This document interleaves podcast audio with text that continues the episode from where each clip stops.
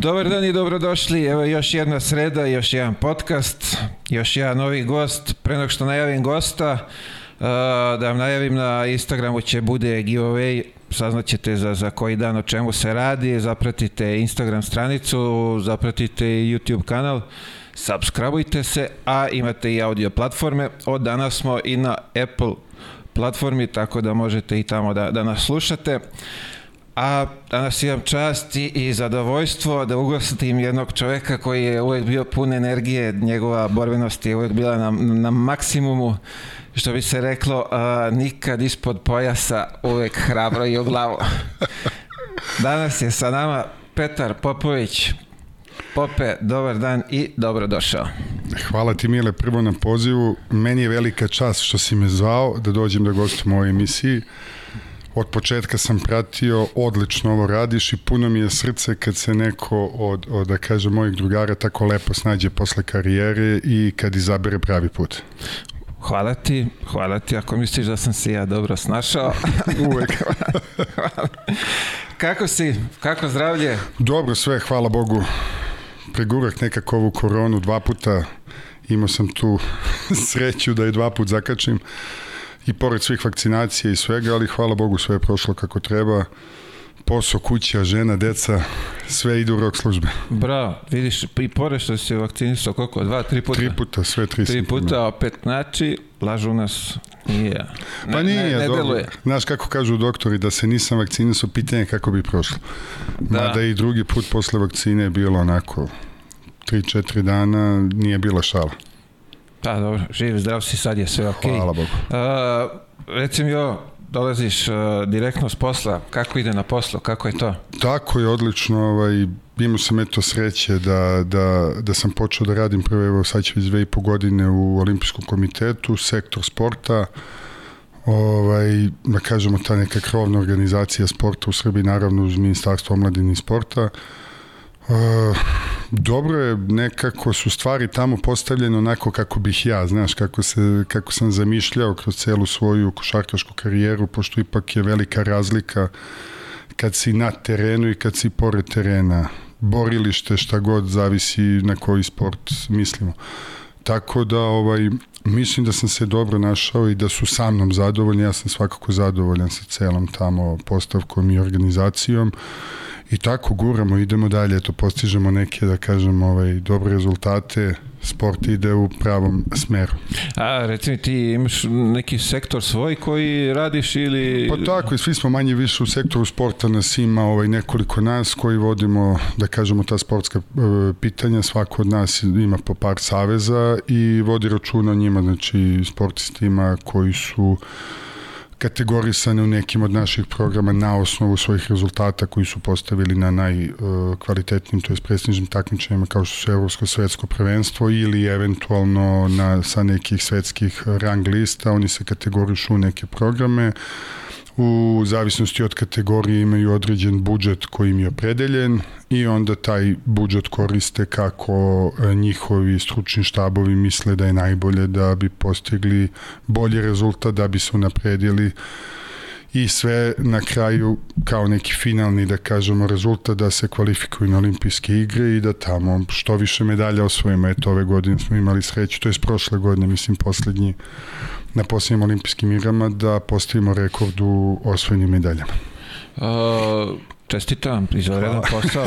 Uh, ono možda, možda nisam dovoljno jasno postavio pitanje. Uh, hoću pitam, vi se ti baviš tipa samo futbalom ili to ima više? Ne, ne, ima više, ima više. Mislim, kompleksan je posao, sad to, to zvuči, ja kažem onako... Nije ono pokušavam- ograničen si na jedan sport i Ne, to je moj, ne, ja to ne, ne, i ima radim. 4-5 sportova, pored toga ima i kategorizacija sportista na osnovu njihovih rezultata, ima, ne, ima administracije, ima praćenja rezultata, mislim, kompleksno je onako, ima dosta nekih stvari različitih, eto, Ovo što sam poslednje video, bio si u Africi na nekim igrama, je li tako? Tako je, to su mediteranske igre koje se uvek održavaju ovaj, godinu dana posle olimpijskih igara i tu smo onako ovaj, imali, da kažem, popriličan izazov, pošto onako organizacija dole u Africi je malo bila onako kompleksna, tako da kažem, ali, ali ovaj, izborili smo se na najbolji mogući način i uvek smo se trudili da sportisti imaju apsolutno sve što je u principu i suština našeg posla. Mi smo s ove strane,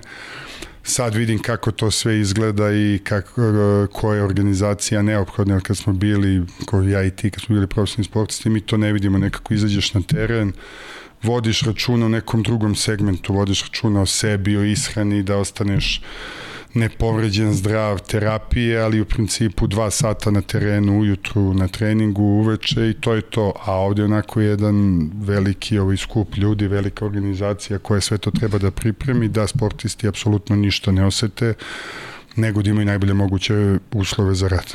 A, recimo, e, ta dole, kako se, mediteranske, mm -hmm, to nešto njima daje neke bodove za olimpijske igre ili, ili... Ne, ne, ne, to je prosto učestvuje se onako kao neka, da kažemo, razvijanje sporta u tim nekim zemljama gde su možda manje razvijene, mada se organizuje naravno i u drugim zemljama, ali ovaj prosto eto razvi, razvijanje sporta i da vide sportisti u datom momentu gde su sa nekom ovaj spremnošću sa nekim rezultatom, šta mogu, šta ne mogu.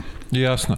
A, ono što me zanima, ti kad si završio ovaj, ovaj karijeru do, do, do te uh mhm. -huh. uloge tvoje u olimpijskom komitetu, kako to vreme, kako, Pa bio kako je onako... Pro, prošlo, kako, kako pa, si se ti osjećao ve, posle? Verovatno, verovatno koji svi sad aloći ili neće da priznaju, ovaj, ali ja hoću da kažem, sportisti, profesionalni sportisti iz mog nekog ugla, mislim da zaista umiru dva puta, jednom kad završe karijeru i drugi put kad stvarno dođe do tog momenta. Sad kad sam ja završio karijeru nije bilo meni lako, opet kažem, govorim za sebe, ali u nekoj interakciji sa drugim mojim kolegama vidim da je to manje više slično prođe jednu godinu dana, popiješ kafe sa svima s kim možeš da popiješ, odeš na ručkove, vidiš se sa svima s kojim se nisi video i šta onda? Bilo je momenta gde mi nije bilo sve jedno, gde, gde sam se bukvalno osjećao kao da džaba koristim vazduh nekom drugom, jer sam sve na to da odvezem decu, da li školu, vrtić, odvezem ženu na posao, i šta sad, čekam da se sve to završi, neke porodične obaveze, ali nekako nikako ona muška strana da doprinesem, da radim bilo šta korisno, jer ja sam ipak neko ko je tako i vaspitan i od neke svoje 14. godine nisam zavisio od svojih roditelja, počeo da radim i prvi put sam se našao u tom nekom vakumu, nisam znao šta sada. Imao sam sreću da u tom, ovaj, u tom prelaznom periodu, posle nekih godinu dana sa kumom ovaj krštenim kog sam ja krstio, da smo počeli da radimo ta neka internet prodaja, ovaj, znači klasična trgovina, robe široki potrošnjače, recimo Gigatron, Tehnomanija, Win Win i to je išlo onako poprilično dobro, trajalo je par godina, nisam se našao u tome, prosto nešto više. Sad to je neki taj dodatni isto što kažem problem kad se završi karijera, fali taj neki adrenalin, makar meni. I, ovaj, I onda opet jedno par meseci sam bio, ovaj, nisam opet radio ništa, gledao sam šta bi, gde bi mogao da se nađem i onda je usledio poziv od Olimpijskog komiteta i ovaj, naravno tu mislim da niko normalan ne bi odbio takav poziv, eto. Bravo. A, jesi imao plan šta ćeš raditi kad završi karijeru? Ja iskreno ne. Ja iskreno ne, nekako sam razmišljao, vidjet ću, doći će to vreme, mislim da je to moja greška velika, iako ovaj, sam iz neke porodice gde se uvek to nekako planirao, život, mislim, meni je majka bila direktorka srednje škole, otac, pokojni doktor ovaj, nauka, predavaju na Maškom fakultetu po pozivu, sestri su ušli na Maški fakultet, radi, svi su našli neke svoje puteve, ali nekako ceo život je bio isplaniran. Meni, ovaj, ja sam kad sam završio srednju školu pisao maški fakultet, nažalost ga nisam ovaj, završio. Kod mene u familiji se preučilo računanje nego pisanje, tako da mi je to uvek išlo ovaj, matematika i te neke prirodne nauke od ruke. Tako da, ovaj, ali kažem, eto, nisam imao plan. Nekako vidjet ćemo, bit će kad završiš, bit će vremena i mislim da opet kažem moje mišljenje makar mene kroz neke mlađe selekcije i dok sam se borio za neko svoje mesto pod suncem u košarkaškom svetu, da su svi treneri imali to isto, nemoj ništa da radiš, samo razmišljaju o košarci, znaš, nemoj ništa, kao samo to radi, nemoj ti ništa drugo, remeti misli, odvreća pažnju, koncentracija, košarka, košarka, nemoj, ako otvoriš firmu, onda su ti misli tamo, neće biti koncentrisan utakmicu, I ovaj, ja sam naravno slušao nekako, ja sam uvek bio vojnik kroz svoju karijeru, prosto radio sam šta mi se kaže. I, o, i mislim eto da je to bila greška, pa samim tim, ali kažem, nekako to vremenom dođe, mislim, kad su ljudi no, normalni, verujem da uvek svako nađe svoj put. Dobro, čuli smo, čuli smo ovaj život kako se ovaj završila ovaj košarkaška. Ajmo sad da se vratimo mi lepo da vidimo kako si ti zavoleo basket i kako je to sve krenulo. Uf, hoćemo iskreno. najiskrenije. najiskrenije. Evo, stvarno najiskrenije, ovaj, prosto nisam ja nikad voleo basket. Kad sam bio klinac, niti sam ga pratio. Prosto sam samo narasto, bio sam ovaj, onako konjina u osnovnoj školi, u prvom razredu sam bio kućiteljica, imam i sad neke slike, znači, od, odmah, znači, od prvog razreda i u četvrtom, petom razredu Zoki Stojanović, ovaj moj profesor fizičko, koji je bio trener u Basku tada, bukvalno mi izvuko sa časa, bilo je dođi na trening utorak, sreda, petak, utorak, ne znam, četvrtak, naravno ja sam to izbegavao, došao, izvuko me s časa i ovaj, kao ajde da, da, da, da, da vidimo šta znaš, šta umeš. Nisam bio neki talenat, nisam, nije mi se lopta lepila za ruku, ali sve što sam u životu napravio, napravio sam radom. I ovaj, sa mnom u generaciji, ako godinu dana mlađi je bio ovaj, Dušan Macura, i ja i on smo to bili kao neki tandem u tom basku i dobili smo ta, da li su bili recimo pioniri, kadeti, nisam siguran, mislim kadeti, ali nisam siguran, dobili smo bili zvezdu i sad je to bilo wow. Zvezdu tada mlađe kategorije vodio Dragan Jakovljević i onda je on meni Macurova izvao s nekih 14 godina da pređemo u zvezdu. I onda tad sam ovaj, da kažem imao prvi neki kontakt sa zvezdom prvom i najvećem ljubavi. I, ovo, i onda sam prešao u mlađe selekcije zvezde. I onda je posle istorija mislim bio sam u svim tim nekim mlađim selekcijama tu je išlo i bolje i lošije naravno kao i svima nam u karijeri i sa 18 godina je Zvezda odlučila da ja nisam dovoljno talentovan za njih, što je sasvim legitimno, normalno. Našao sam neki svoj put kroz ovaj, preko Spartaka i Subotice i to je grad koji dan danas za koji me vežu posebne emocije. Iako sam svuda igrao i živeo nekako u Suboticu, kad ulazim, onako, imam neke lepe lepteriće u stomaku što bi se reklo, tu sam postao ono čovek, počeo živim sam, kupio neki prvi auto. Odvojio se od kuće. Tako je, tako je, tako da mi je onako baš, to je lepo ovaj, uspomena. Ček samo da te vratim vamo, ajde, ajde. Na, na, na, da mi ne bežiš mnogo. Ajde. Neću posle moći, ovaj, uh, šta si imaš to kad si počeo tad, te, te pre, prve treninge, kako je to izgledalo? Pa šta znam, bilo je onako, bilo je dosta puta da, da sam hteo da odustanem, jer kao što kažem, nisam bio neki talent, nisam mogao nešto to s loptom da se sastavim. I ovaj, dosta puta onako sam bio, pa da li meni ovo treba, pa, š, pa gledao sam svoje roditelje, znaš, ovaj neki naučnici, ja sad kao idem u sport, niko nije ni znao da me savetuje na pravi način.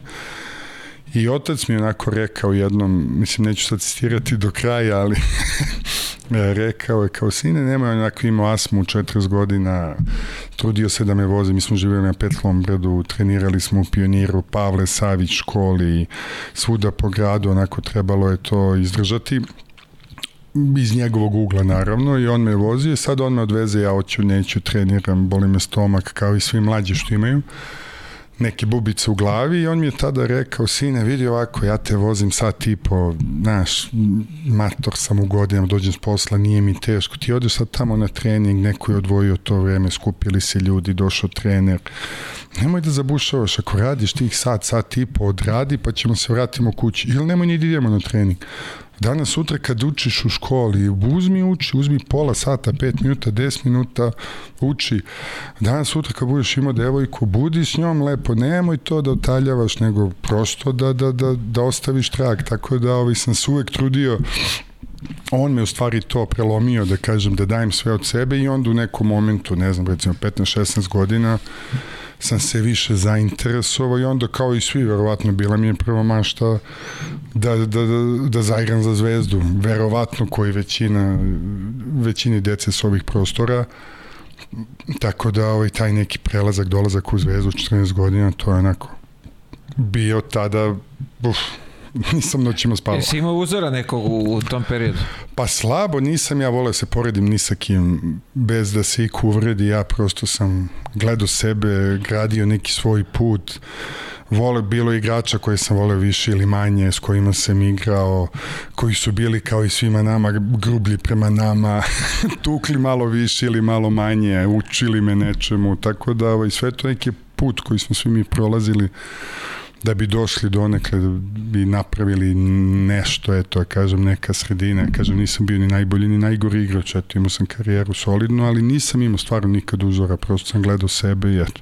Čekaj, oni odlučuju sa 18 ti nisi talentovan i, i ti odlaziš, pa ruši se ceo svet. neka ne, ili ne, ne, ne, ne, ne, mi smo tad, to je prvi put kad mi je Zvezda ostala dužna. Tad smo ovaj... Bila je više. Pa bilo je te, više navrata. Pa skoro pa svaki put. U četiri ugovora, tri put su mi ostali dužni. I dan danas ta neka druga Zvezda, ali dobro, to je neka druga priča.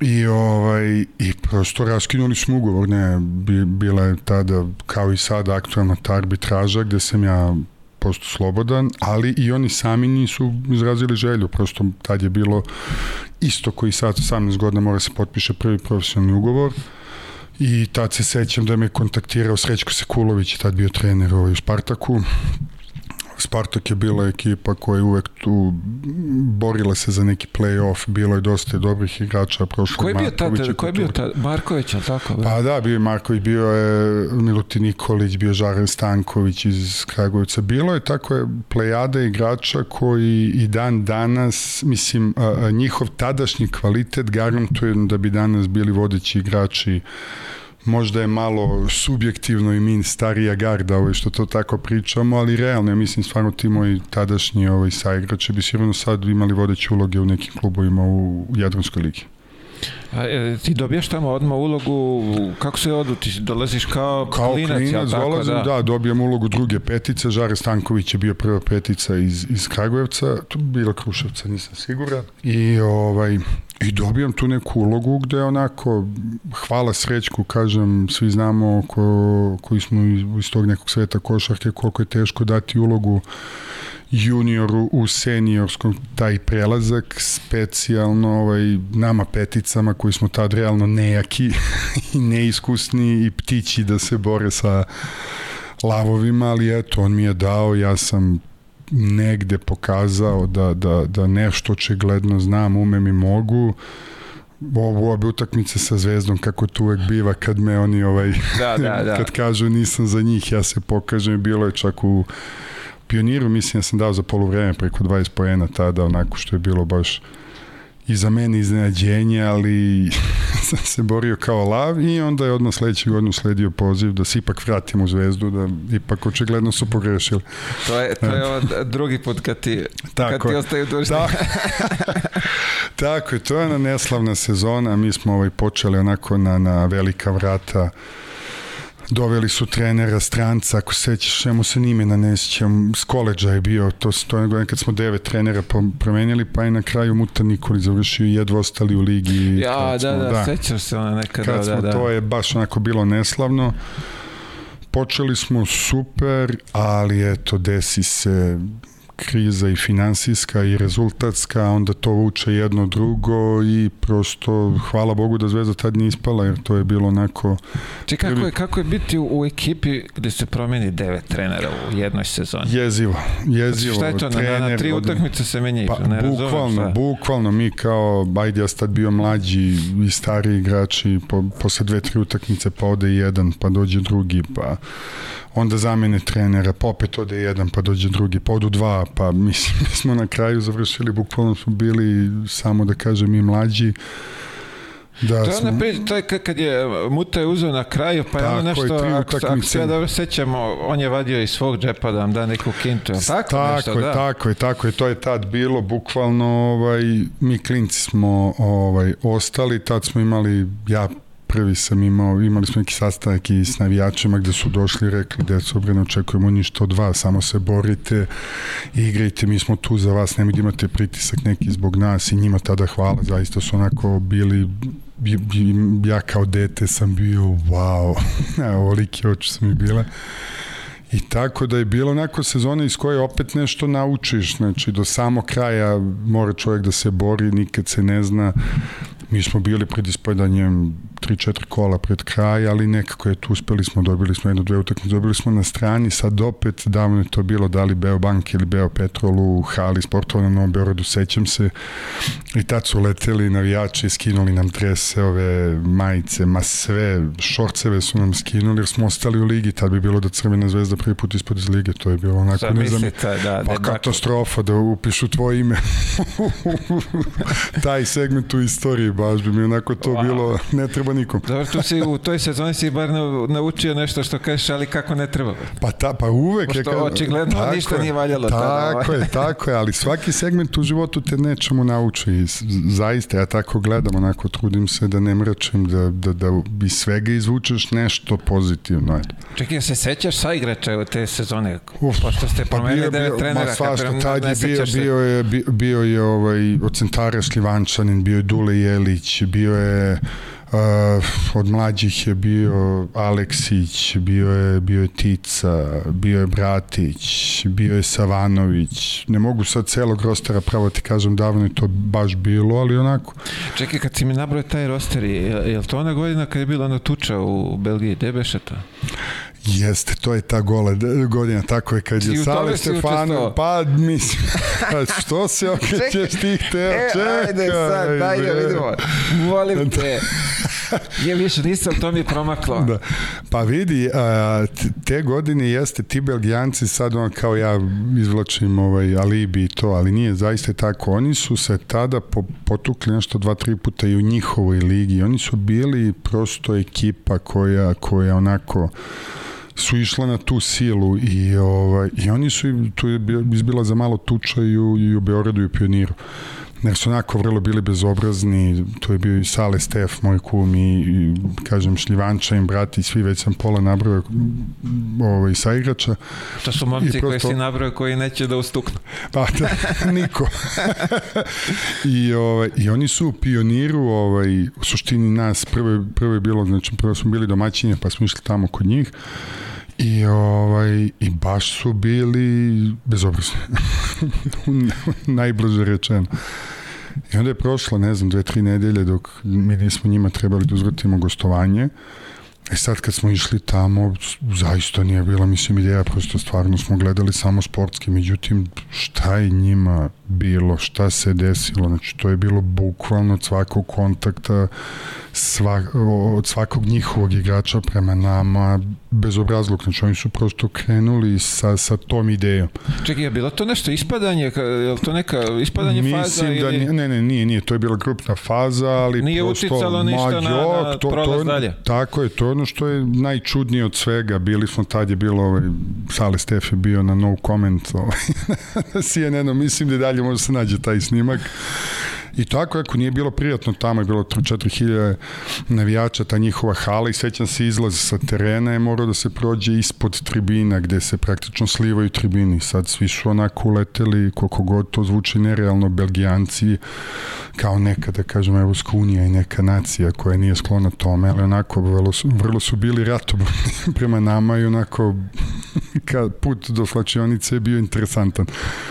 Ali dobro, sve se završilo, naravno, par posekotina svih nas i Evo, verovatno ja kako njih se je... sećam snimka nekog, ja neki je izalego dobro. Pa do, jedan taj njihov najbezobrazniji, on se tako, eto, On se nije žrtvovao. pro, tako je, nije prošao baš najsjajnije. Kakva je sezona. Pa, ali viš, ta- nisam znao kad se to, ali to, je to, znači kad, je, kad možda se sad ne menjali mogao- treneri igrači. Tako je, ne bi sad mogao se setim koje to go, godine tačno, ali to je pff, davno. Davno ima, bi ima 27, 8, 9, 30 godina. Nema 30, Ne bre, ima kako 20, da. ja sam završio pre 7, znači šta? 20. Pa 20, Ako tako. je to bilo da, da, 20, 20, 20, da, tako je, tako negde. 20, tako je. 21, da. Tako, pre 21, eto. To, to tako. treba obeležiti, ono, znaš, kao O, Sećanje, godišnji, tako je, sećanje. da duvamo svećice. car. si. Posle to, posle, ajde da kažemo, te kuršlus sezone, Po, dolazi hemofor mi dolaziš onako... nam u vršac. Tako je, i nekako zaista naj, najlepši deo ovaj, moje, tako kažem, mog nekog razvitka i zaista u tom vršcu sam imao tri trenera, Željko Lukajića, Željko Lukajić koji me doveo, znači posle njega je bio Darko Ruso, pa ovaj, Aca Petrović i opet Željko Lukajić.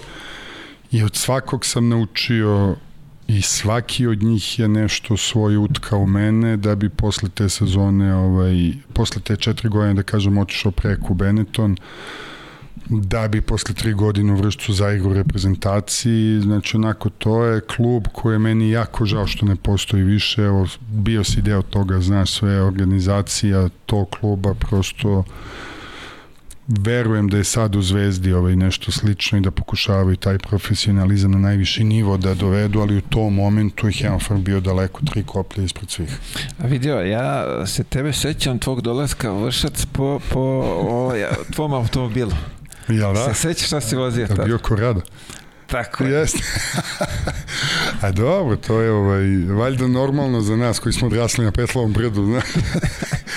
Volkswagen Corrado, Corrado tako, tako neka je, Bordo, Bordo, neka boja, jeste, nešta, jeste, da. jeste, Bordo. Pa to je auto što sam kupio ovaj, u, u Subotici kad sam bio, što sam rekao, postao svoj čovek, pa I, ovaj... I ono što me vezuje za taj auto da si popio kaznu negde da, da si... Bilo je kazni tad, majko moja, bolje Ovo je nešto čega za... seća, to je da neke duple pune, nešto je Ma, bilo. bilo je, ja, bilo je kazni, to je jezivo, mislim. Ja, ne, ona sad neka ovog, ždaja u da, da, da, taj... da, da, ma, ma, ovaj, iz, o, iz ove sad perspektive, ovih sad godina, kako sam tad vozio, to zaista nije bilo, nije bilo normalno zdravo i imao sam brdo kazni i uzimanje dozvola i svega, prosto nije za ovu temu, vjerojatno se gleda neko od mlađih pa će kazati to tako i on. Ali ovaj, iz ove perspektive sad, ono, hvala dragom Bogu da se ništa loše nije desilo. Eto. Dobro, pa, pa ovaj, ajde kažemo, imao si sreće više nego pamet. Ali znam da je ovaj znam da je bilo takmičenje ko će pre do Beograda izvršiti. Ma je, pa nemoj sve mile sad da, da Ovo je podcast, ovdje može. šalim se, šalim se. Jeste, bilo je to i bili ma, mlad, mladost ludu. Ajde, ne, ne pričamo o vreme ko je ovaj, bar ja što se znam za pobednika. Ba, je tako? Ko je bio, ne znam, zaboravio e, Luka Vučinić, ali tako? Jeste, jeste. O, on je, ja mislim, drži rekord za... Da ne pričamo I to, u, kojoj, i, u kojoj minutaži se radi. I to, I to dok je bio stari put. Znači da. ne novi, da, nego, da, da. nego stari put. A, reci mi, Vršac, dolazak tamo, ekipa, tu, tu, tu zaista sve najlepše ovaj, vučem iz te ekipe, znači tad kad sam ja dolazio tamo bila, bila ekipa, ovaj, moj venčani kum između ostalog Đorđe Đogo, njega mora prvo da po, veliki pozdrav, veliki pozdrav tako je, za Tako je, tako da svi su zaista me lepo prihvatili i dalje sam ja bio, da kažem, mlađi i pile, pogotovo za poziciju ovaj, na ko, u koju sam ovaj, igrao, još sam tad bio nejak, da kažem, i bez iskustva. I tamo sam isto dosta naučio, kažem, ovaj... I tamo te sačekala dobra centarska linija, ali tako? Joj, ko je bez...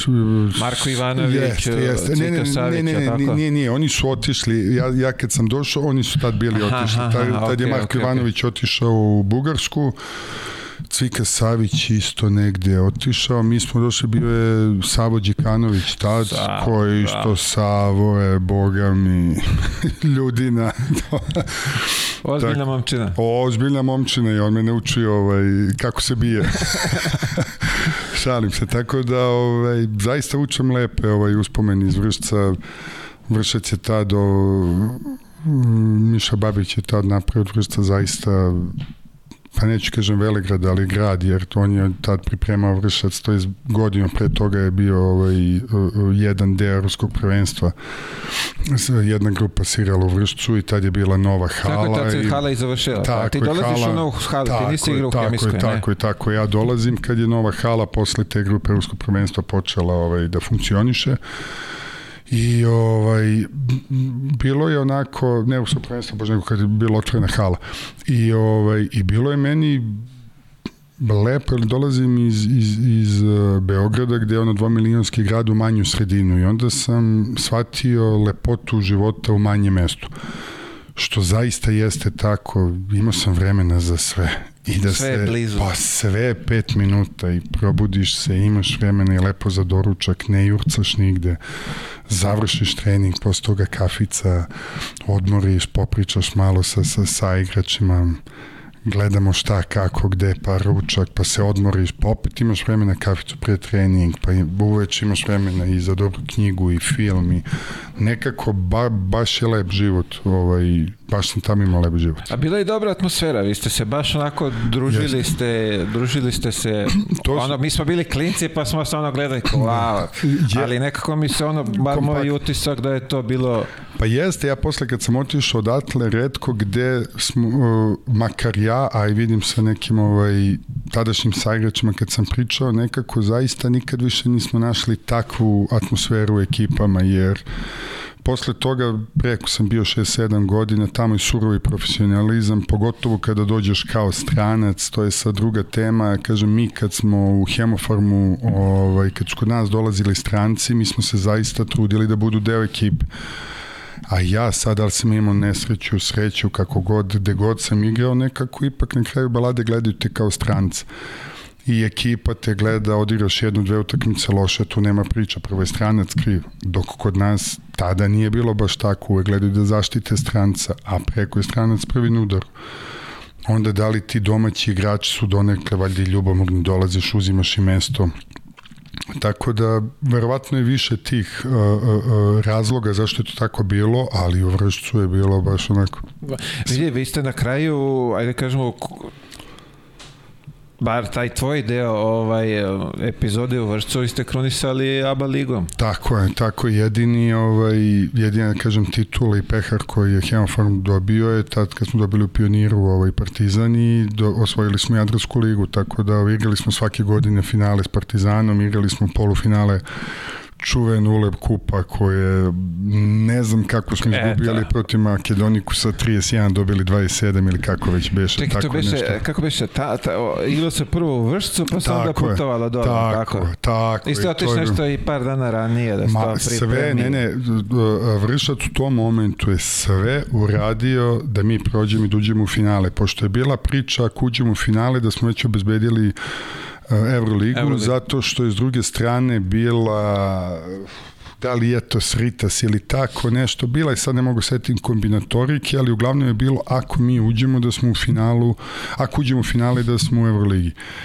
I ovaj, da se vratim na temu da je Vršac zaista tad sve odradio, znači oni su uzeli čarter, ovaj, pošto je to mesto Makedoniku, što je u Grčkoj na granici sa, sa ovaj, Albanijom, Kozani, mislim da se zove mesto, a klub je bio Makedonikus i ovaj vršac je uzeo čarter, znači sve je bilo perfektno od puta, organizacije, da se naspavamo, da dođemo odmorni par dana ranije, sve tamo u, u toj hali uslovi e, da je bio neki ozbiljan ovaj, delegat, sigurno bi pre, prekinuo utakmicu više puta. Prosto uslovi nisu bili za igru, znači premala hala koja ne znam, možda prima hiljadu gledalaca recimo kao hala u, u, u Kraljevu, ali da unutra uđe 5000 ljudi, da se popnu na koš, drmaju koš, da, da prosipaju vodu po parketu, konfete, petarde, jezivo, prosto nisu bili uslovi, ali u takvim uslovima su se oni bolje snašli. Posle toga je bilo nešto, ovaj, mene su isto pitali kada je to bio neki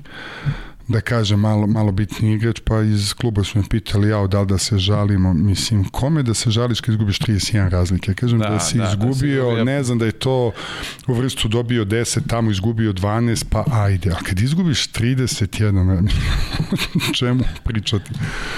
Tako da, mislim, 31, da li ili 27, ne, znam nešto, da je bila znam da je bila da, mnogo, mnogo velika razlika je bila, ogro, da. Ogromna je bila, mislim, opet, ali kažem tako je nešto, ovaj, tu oko 30-ak, I tako da mi je to recimo bila žal velika jer tad smo onako trebali da krunišemo taj neki dobar rad i, i, i, zaista da vratimo klubu, ali eto, vratili smo koliko smo mogli u tom momentu i makar Jadransku ligu, eto, ima Hemofon da kažemo jednu titul. A, Makedonikos je bio a, pre Jadranske, ali tako, godinu pre da, ili da, dve? Da, pa sad, mislim da jeste, Nešto, ali da. posle, da, sad, ovaj, sad da me ubiješ, Darko da imam bio, ispred bio, sebe Google. Tako je, da, Darko je bio u ekipi tada, ali tako? Jeste, jeste, Darko je bio talenat, mislim, znaš i samo. Ajde, ajde, molim te sad, vidiš, vraćam slike Aha. i ovaj, i, setim se i toga. On tad ulazi u prvi tim. Kako si ti njega video u tom momentu? To je talenat koji je neverovatan, koji, koji uđe, klinac, tako znači 17 godina, šta da kažemo kada je jedan veliki NBA promenio pravila zbog njegovog drafta da, da može se prijavi ovaj igrač koji nema 18 godina na draft. Znači kad svi agenti sveta to kažu ko sam ja, ali ja iz moje neke perspektive, pošto direktno smo im ovaj, igrali da kažem na terenu, on je bio pomračenje sunca. Kad hoće da igra i kad, kad kad se zainati, znači čovek, ja sam se borio koliko sam mogao, mislim, ne znam, 2.10, 11, raspon ruku mi otprilike koliko sam i visok, njemu seća se da je bio nešto 2.22 ili 2.24. Tako nešto, da, da. Skočan, brz, osjećaj za rampu neverovatan i on kad se zainati, to je bila ozbiljna muka dati pojem, pritom sam ja tada u naponu snage kao neki glavni igrač. Znači, neverovatno je, ali on kao, kao, kažem, klinac, kao toliko mlađi od mene je napravio da sigurno ja napredujem mnogo više, to 100%. Vidi, tad su dolazili svi živi skauti, agenti, to, tad sam prvi put i saznao da postoji skaut, da postoji kao agent, kad dolaze oni pun vršac nekih je. sa torbicama, sa nekim sveskama sede za Živa istina, da. živa istina. I me su tad kontaktirali, eto ja kad ja ću kažem zbog njega iz LA Clippersa, nešto igram Jadransku ligu, ali bilo je onako, on je bio baš bum za, za, za ceo vršac i opet kažem još jedan segment, još jedna kockica u cel, celoj toj, da kažem, prelepoj priči oko hemoforma koja u meni budi samo najlepša sećanja, zaista ja, ja ne mogu setim tamo ni jedne neke loše anegdote, zaista baš je napravio taj vršac od mene i dobrog igrača i dobrog čoveka i nekako sve idealno, zaista. Vidi, mi smo kao klinci uživali. Ja, ja sam tri godine proveo tamo i ono, što se tih de, dečih ovaj, priča tiče, da. to je tamo za nas bilo fantastično. Imali smo tako dobre uslove pa, i da. sve je bilo ono šteta što što više ne postoji pa, što da šteta mnogi košarkaški centri su se ugasili sad zašto je to tako da li je Jadranska liga uticala na to šta li ali sećam se, kažem, i Kraljevo imalo dve ekipe, Leskovac da, je imalo, bravo, da, Kraljevo, Kraljevo je imalo slogu i mašinac. Sloga i mašinac, Tako, pa bravo. pa onda, ne znam, bilo Leskovac dole gde sa Žućem, Mitićem i Pavkovićem, pa nismo, nismo gdje dobiješ u tri života dole, pa, znači, bili su saista košarkaški centri Novi Sad imao dve ekipe, Spartak Subotica, jedno vreme Beočin, Znači, baš je bila živa košarka. Sad kad si spomenuo Žuću Mitića, molim te reci mi protiv koga ti je bilo najteže da igraš na tvojoj poziciji? Uf. Koga nisi voleo ono, kad treba da igraš protiv njega, kao daj, evo pa, te. Pa dobro, Žuća je sigurno u top 3. Jer je onako korio. Meni uvek to, to ovaj, da kažem, nisu odgovarali ti igrači koji su tu negdje između možda ljudi zavisi prate više ili manje košarku, pa možda ne znaju ko je Žuća Mitić, ali najbolji primer i, i da kažem najbolji igrač tog nekog kvaliteta je Deki Milević to je to, prosto to su igrači koji su izuzetno jaki na svojim pozicijama i on ako vidi da je jači od tebe e, na poziciji niskog posta, igraće dole. Ako vidi da si ti od njega više i snažniji šta god, on će ti izvuče i da igra licem. Tako da tako neki igrači su mi najteže padali. Kad su bili veliki, jaki, nekako to sam voleo uvek da se šibam, to nije bio problem. To, tu Za to ste ima leđa. Ma da, tu sam svoj na svome, to nije, ali to nešto između, pa i protiv tebe je bilo interesantno, ti se izvučeš pa daš trojku, pa mora da, da izlazim. Deću, za mene nisi imao, imao odbranu. A, pa nema, tu nije bilo da rješenja.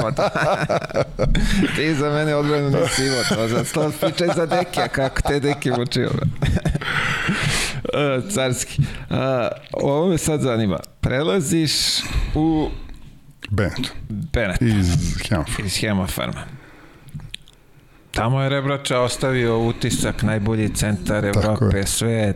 Ti dolaziš, tako prvi Srbin posle tako Rebrače je, u... Tako je, pa Tad je te godine vrlo interesantna jer ovaj, ja sam imao ponudu Ulkira tada koja je bilo, bila značajno veća, da ne pričam sad o ciframa, ali, ali otprilike svi su mi govorili da, da li sam lud što sam izabrao Benetton, ali Benetton sam nekako izabrao, ja sam meni uvek kroz karijeru vodila ta neka sportska priča i uvek sam gledao, nisam jurio za parama koliko sam želeo da napravim rezultat u nekim dobrim li, ligama i klubovima. I ovaj, dolaziti u, u Benetton, kao što si rekao, Rebrača tamo Bog, Rebrača je Bog tamo i dan danas, prosto napravio je to što je napravio, Željko Bradović je bio tamo trener, tako da sam ja iz, iz tog razloga želeo tamo da odem i, i poprilično sam se dobro snašao, ne mogu da grešim dušu. Bilo je ovaj mislim isto klub evropski, u samom vrhu evropske košarke tada te godine smo bili prvaci Italije, igrali top 16 Evroligije O, ima Izvini, sam... Ulker igrao tad evropsko takmičenje. Je, jeste, jeste, isto, isto u Evroligu je bilo i, i Ulker, Ulker je tad bio Vrbica Stefanov, bio je Mir, Mirsa Turđan od neki, ne mogu setim ko je bio trener, što je interesantno ali znam da je bio Vrbica Stefanov ovaj playmaker i da je Mirsa Turđan igrao, onda ja bi bio paru sa njim. A ovaj, u Benettonu je bila odlična ekipa, znači Niko Zizis je bio na playmakeru koji je, mislim, za nas centre ne ozuniš se daš da je spojen, bukvalno servira sve na. Bukvalno gađate u, u, u grudi. Bio je, bio je ovaj, uh, um, Drew Nikolas, on je bio strašan šuter posle igre u Efesu, odličan je igrač bio bio je Litvanac Šiška Uskas, mislim, Ova. šta da pričam sad ja o njemu. Bio je Markus Gorin na četvorci, ako se sećaš, on je Amerikanac, jak im je ogroman da, raspor, da, da, znamo kome priča, da. ogroman je bio. O, Od njega, njega se uplašiš kad ga vidiš. E, je, bukvalno, bukvalno. On je inače moj cimer bio onako drugar, ostali smo u kontaktu ceo život, baš je super, više nego dobar čovek. Ovaj, tad je recimo o, Andrej Barnjani ovaj, bio u Benettonu. On je tad klinac. Tak, bista pa, priča ko, ko, sa ko Darkom, tako je, tako je. Eto, ja sam imao sreću uvijek na mojoj poziciji. prvi pikovi, talent, prvi pa, pikovi. Pa, prvi, drugi pikovi, da. Tako da ovaj, imali smo ozbiljnu ekipu, bilo je to još brdo, bio je tu ne znam Uroš Šlokar koji je za slovensku reprezentaciju da, dugo godina. Da, Šlokar, bravo koji imali smo od, od Mordente recimo koji je igrao za, za ovaj reprezentaciju Italije Mateo Soranja koji je bio kapiten i, i u Benettonu i u reprezentaciji Italije.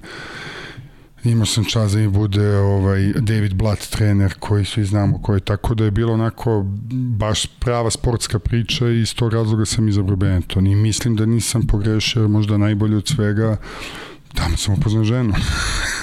Tako da, ovaj, Či najlepši moment te vežu za, pa za, jeste, za čudni su putevi, eto ja kažem, to leto u Beogradu sedim i razmišljam sad dve ponude, dva velika kluba, Mislim, Julker je tad isto bio sad, ne mogu da, ne znam tačno sve igrače, prosto nisam očeo tamo, ali znam, eto, kažem, Vrbica Stefanov, Mirsa Turđan isto su imali veliku ekipu, spremali se za Euroligu vamo Istanbul, vamo Treviso, znaš, Ulker, Benetton, prosto dve ekipe, ne se koja je bolja i Ulker ponuda koja je znatno veća, skoro pa duplo od Benettona, ali eto, nešto me vuklo da da odem u Benetton i kažem. Viš, zanimljivo, verovatno bi svi poleteli za tom većom sumom. Pa, to, to je istina, ja, da, da nemam ovaj, ponude uh, uh, obe i dan danas, ne bi verovao, znaš, da samo podsjetim neke kao kakav ali ovaj, nije zaista super i, ovaj, i onda je tu ima neka druga priča koja nije vezana za sport, kažem, oko moje ovaj,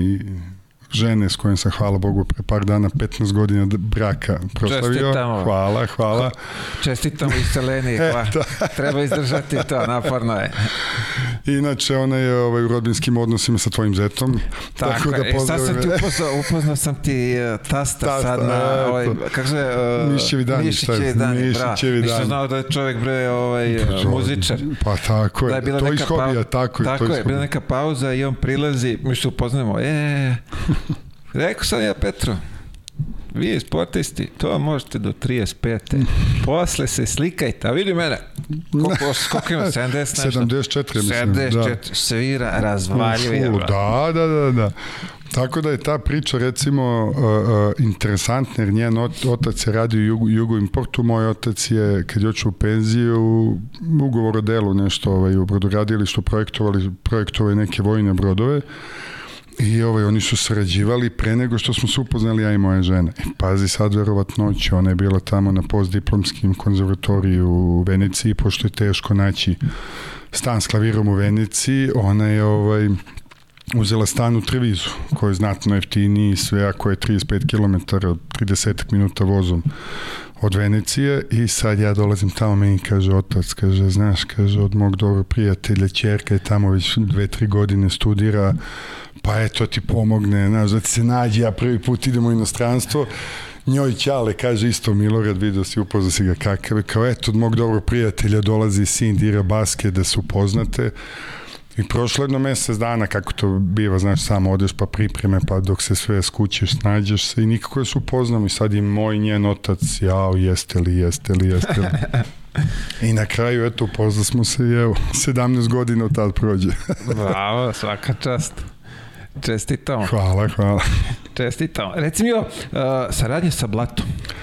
Uf, naj, jedna od najboljih, sigurno. Ja imam uh, priče ono Aškrabić dok je bio u Rusiji sa njim, pa onako znam nešto, da. ali ovo, ajde sad od tebe da čuje kako to izgleda. Vidi, on je surovi profesionalac i meni lično je to odgovaralo. Znači, svi smo svesni, pogotovo sad, sad se to i multiplikuje, sve više utakmica, prosto što je logično, verovatno zbog sponzora, zbog finansijskog nekog segmenta, Tad smo isto imali utakmice minimum dve nedeljno, dešavalo se 3-4. On je čovek koji prosto drži trening sat i 15, sat i po maksimum, najvišeg intenziteta, znači kod njega zagrevanje možda traje 2, 3, 5 minuta bukvalno, znači ni nema zagrevanja, prosto profesionalizam, ti treba da dođeš na trening spreman, da kreneš odmah da radiš 100%, nema šta onda tu... Nema ono kao pauza istezanje, ma, pa ka, vodica, ma, pa... kakvi, nema ni jedna pauza za vodu, znači sat i 15 minuta, makar, kažem tako, bilo Bentonu, bukvalno jedna pauza za vodu od 2 minuta,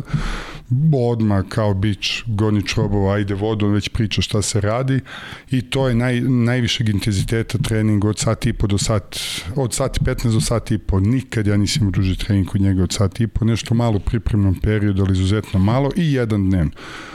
I to je to, mislim, prosto ako ti pružaš rezultat, da li tebi treba dodatno šut, ako ti treba dođi, imaš halu na, raspora, na raspolaganju ceo dan koliko tebi treba da se uvedeš u, u trening, 5 minuta, 10, pola sata, sat, dođi profesionalac i plaćen si za to.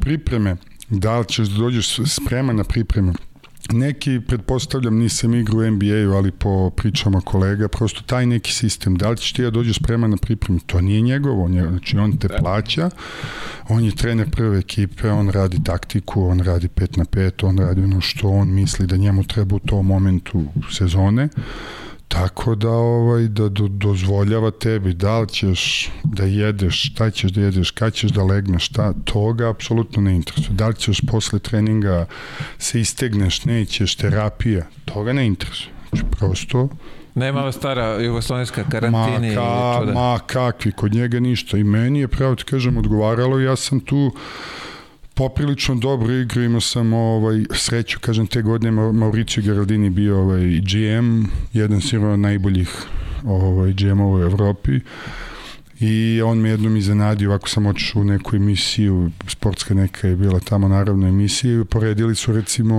moju statistiku i rebročenju i bio sam, mogu treći tu negde onako za iznenaditi. Zajevaš. Da, mislim, posle toga daleko su naše karijere moje od njegove, ali je statistika bila ovaj, približno tu negde. Kako je veličina kluba? Kako, kako to doživiš? Kako, kako, kako osjećaj imaš? Pa tamo su oni isto doveli sve to do savršenstva. To je malo jedno mesto, ovaj, Trevizo, nema puno nekih stvari koje mogu da te odvuku, a klub je sve je dovedeno do savršenstva. Oni su imali tu halu za trening, pored je bila ta neka mala kao, kao još jedna sala sa ne znam jednim košom i svom pratećom neophodnom da kažemo nekom mini ambulantom da kažem sa fizioterapeutima, sa mašinama, sa džakuzi kadama, sa, sa kadama sa ledom, znači prosto sve što za oporavak, se, tako je za oporavak ovaj, hala Palaverde je bila malo izdvojena, tamo smo išli da treniramo ovaj, utak, ono, dan pred utakmicu, prosto se naviknemo na košav, ali zaista isto sve su doveli do savršenstva, to je moralo da budu stanovi u kojima smo bili smešteni, su bili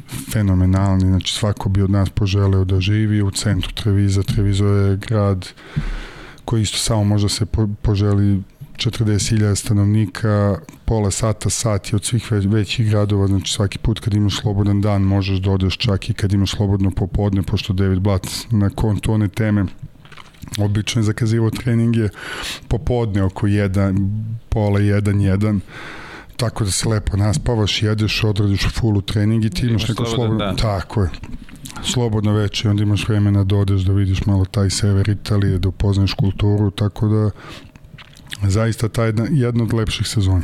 A, vi ste to krunisali isto titulama? Tako je, tako je, tad smo bili prvaci Italije, posle toga, eto, moja ovaj, sada je ovde ovaj, moja žena onda bi rekla ako moja odluka da je bila najmanje, u najmanju ruku čudna, ali stigo je meni poziv ovaj, od zvezde i naravno taj poziv se ne odbija stigo je poziv koji se Čekaj, ne odbija Čekaj, mojte sad. imao sam ugovor dve godine da e, to je da, da, da, stani da, bre, da, da. ti si imao tamo i vratio si se nazad u... Pa da, zato kažem, ovaj, postoji reč. Dobro te Selena trpi.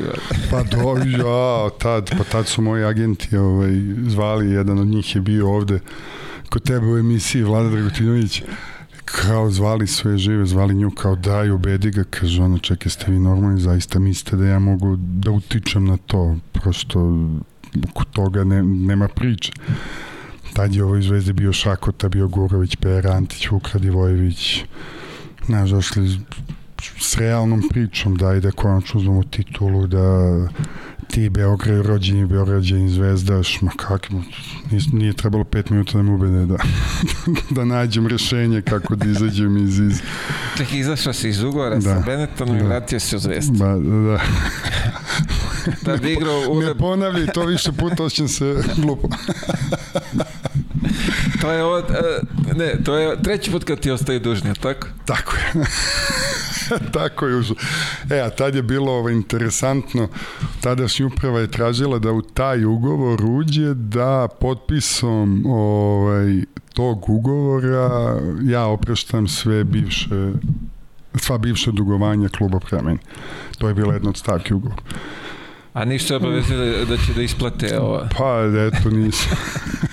tad još nije postojao bat, da je postojao tad bat, verovatno bi oni morali da isplate, ali nažalost nije postojao, ali, ali dobro, šta da radimo, mislim, čovjek se uči dok je živ. Pa dobro, da, vidi. Ali to je to kad voliš, kad voliš klub. Ajde da vidimo taj drugi nastup. Šakota, Gurke. To je, to je Eurocup, ona sezona, tako? Tako je, tako je. Kad smo ono, igrali protiv Reala, Real po, to, po to, tome, da. da. po tome svi pamte kad smo dobili Reala sa, sa, sa Stotkom. To je ta godina i, i, i drobnjak iz auta, to je isto. E, isto, e, ta, tako po je. tome sad isto to, pamtimo. Tako je, po tome pamtimo mi ovaj, zvezdaši, oni će da kažu s one druge strane da nije, mi ćemo da kažemo da jeste. Ko zna šta bi bilo, pošto su nas tom trojkom dobili 3-1, da nisu priznali tu trojku, bilo bi ovaj 2-2, pa je pitanje, svi znamo, mislim, Partizan ima prednost domaćih terena, ali uvek je peta utakmica, peta utakmica. Tako da ovaj, imao sam tu nesreću i u Hemofarmu sam izgubio jednu titulu 3-1 trojkom, to jest nije bila tada trojka, to je onim košem kada je Šćepanović dao preko mene Bogavca i Aleksića iz mrtvog ugla i izgubili smo isto 3-1 vodili smo pola koša, izveli su loptu Šćepanović je predruglo ceo teren i dao i ovu titulu da kažem, tako da eto, nije me baš sreće poslužila, ali šta da radimo. Mislim, ta sezona je bila ko, ko i svaka u Zvezdi, svaka utakmica 200%, mislim, dođem kući, posle gledam šta sam radio treba, ne mogu da verujem. Ono. Bude me sramota samoga sebe. Zato sam mu rekao borbeni, borbeni i mak, na, ovaj, na ja, maksimum uvek. Ja, da, ja to, to ne znam da objasnim zaista kad izađem na teren, prosto postoji samo trener i, ho, teren i hoću da pobedim i, i takav sam, imam taj neki adrenalin, ne znam, kad, kad me udari tu ne mogu da se kontrolišem, zaista dođem kući i gledam smijem se sa, sa Selenom, kažem šta je ovo, je moguće, ne, ne verujem da ja to radim, ali prosto ta, taj adrenalin i želja za pobedom, mislim ja sa, sa, sa ženom i prijateljem igram pikčunar i posvađamo se, ne pričam tri dana s njom. Tako, u svemu, u svemu želim da pobedim, a nekad igram u klubu ono za koji navijam od kad znam za sebe i prosto je ta neka želja. To mi je žale, to možda najveće što, što nemam titulu sa Zvezdom, zaista jeste. Mislim, nema problem to da kažem kako god bilo koji, kažem, izvezaši i partizanovci kako to doživjeli, a zaista to, to, eto, to, to je tako. Ne, vidi, uh, bio je Tadija, Tadija isto bio tad te tako godine, je, tako, tako je, tako. I on je isto ovde kroz priču video sam da ne može da prežali ovaj, da ne može da prežali što što nema, što je normalno, naravno. No, no, no, naravno. Meni krivo, ja sam bio deo nažalost jednu tako godinu je. samo, ali tako ovaj, izgubili smo finale dole pa tako, u, u, u, u, u Nišu kupa. Da, to kupa, kupa da, i onda kupa. smo ovamo finale isto tako u železniku. Tako je, tako, tako da, naravno, svima nam je žao, sad je verovatno i njima žao što gube ovaj... Pa tako, tako je, ali da, kolo sreće, znaš kako kažu, lopta je okrugla, svi danas da, treniraju dva put dnevno, one klasične izjave.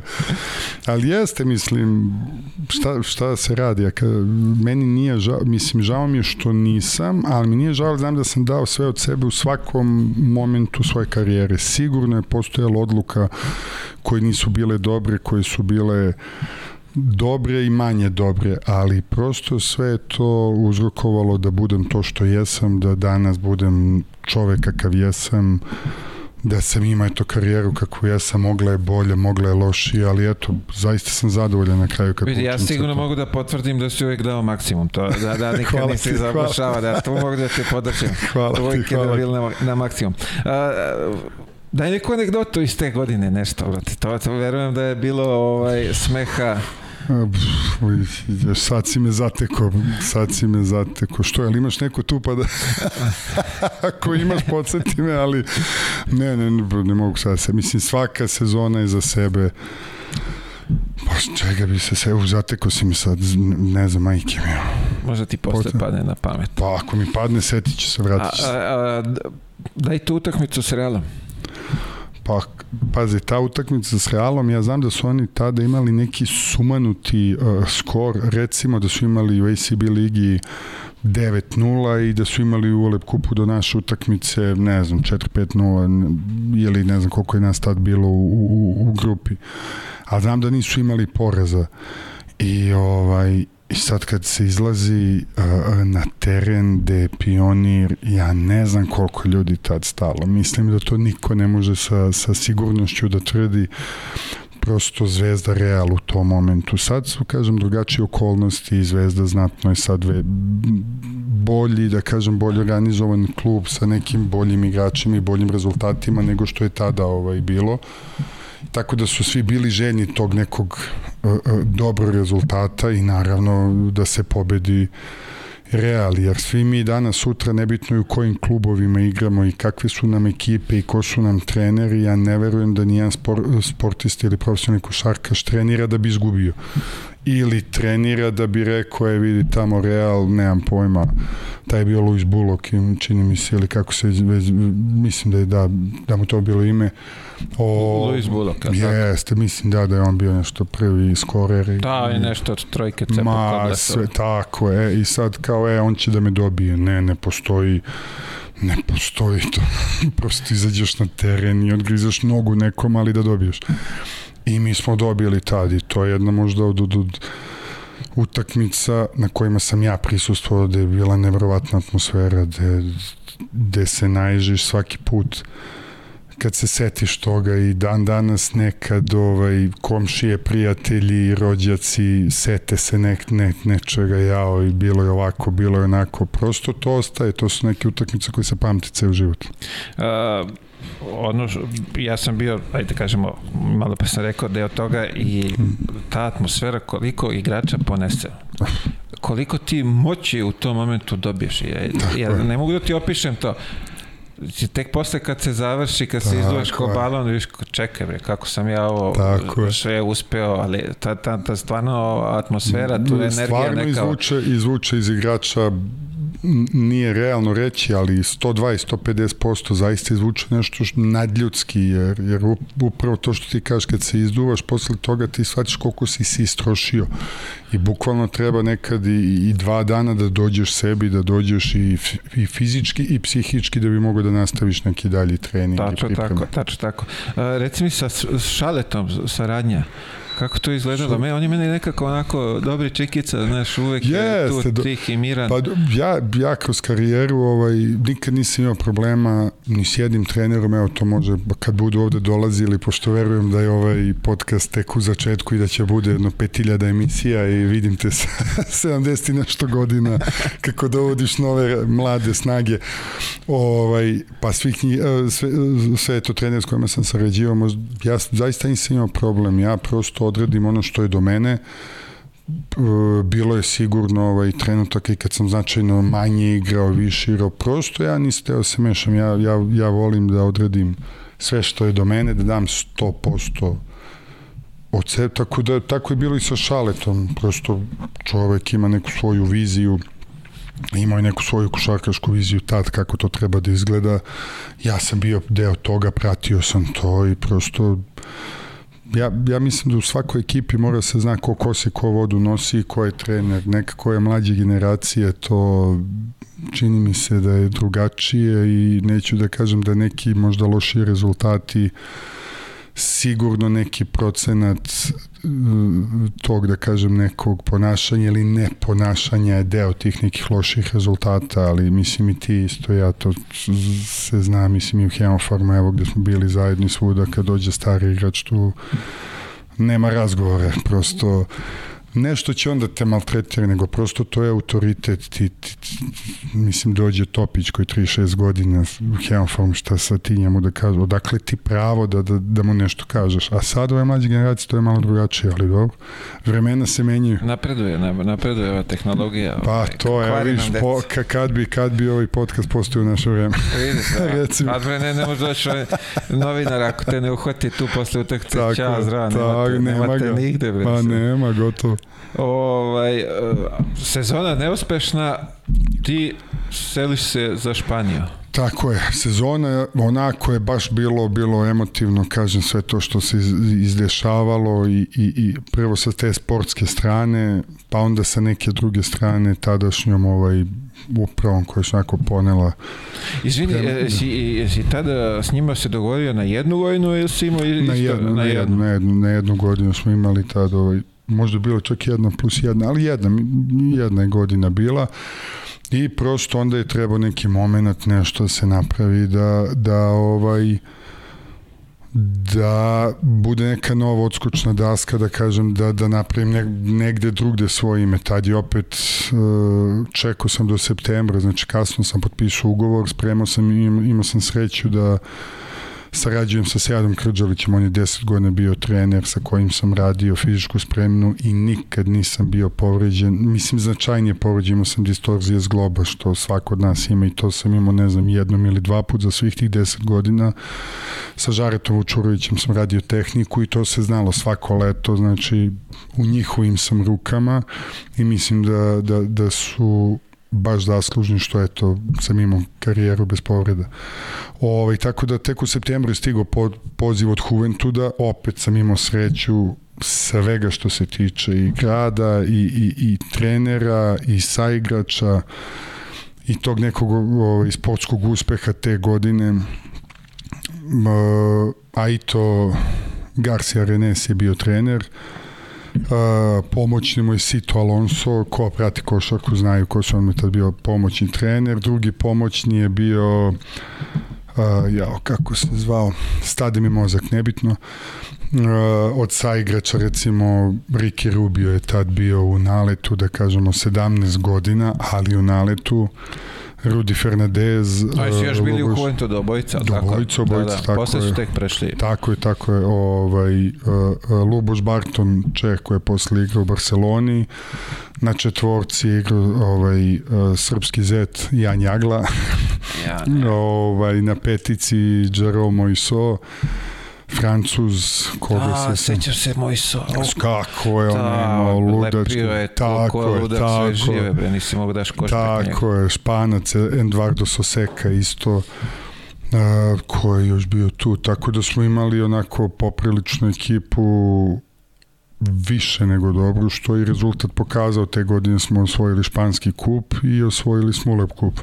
E, samo da, dok dođemo do tle, e, da mi opet ne, ne pobegneš. Ajde, ajde. Ono što sam pronašao, ti si otišao tamo na neki onaj kao short term. Jeste, jeste. Jer je ovaj zaglavio u e, Baxter u zatvoru. Tako je, Baxter. Ba, Baxter, Baxter, tako, Baxter, nešto, tako da. je. On je, on je, ja sam posle bio cimer s njim, to je bilo interesantno. Čekaj, se vratio sve uredno? Da, da, vratio se, bio mesec dana i onda su ga ovaj, otpustili, a ja sam ostao. su ga sa oružjem tamo, e, tako? Da, ne, nisu ga navatali, nego je on najurednije kupio u jednoj državi i poslao DHL-om oružje sebi kući u drugu državu. Sam sebi poslao. I ovaj, oni čekaju, bre, pa ne može za ma šta ne može i za glaviju robiju. I, da, jebaš. da, ja sam mislio da je nešto ono standardna neka crnačka priča, da su krenuli da pucaju to. Ma jok, ne, on je prosto ljubitelj oružja i poslao sam sebi. I rekla mu, čekaj, bre, ne može to tako. Pa ne može DHL-om. Pa da, može... i on je bio nešto, ne znam, mesec, dva, tri dana u federalnom zatvoru, nećem sad više i koliko, i ja sam došao kao, kao to, mislim, na neku njegovu zamenu, međutim on kad se vratio ja sam se dobro tu pozicionirao i onda su njega na kraju otpustili, a ja sam ostao kraja, tako da sam bio nešto mesec, mesec pa do kraja, tako je nešto bilo.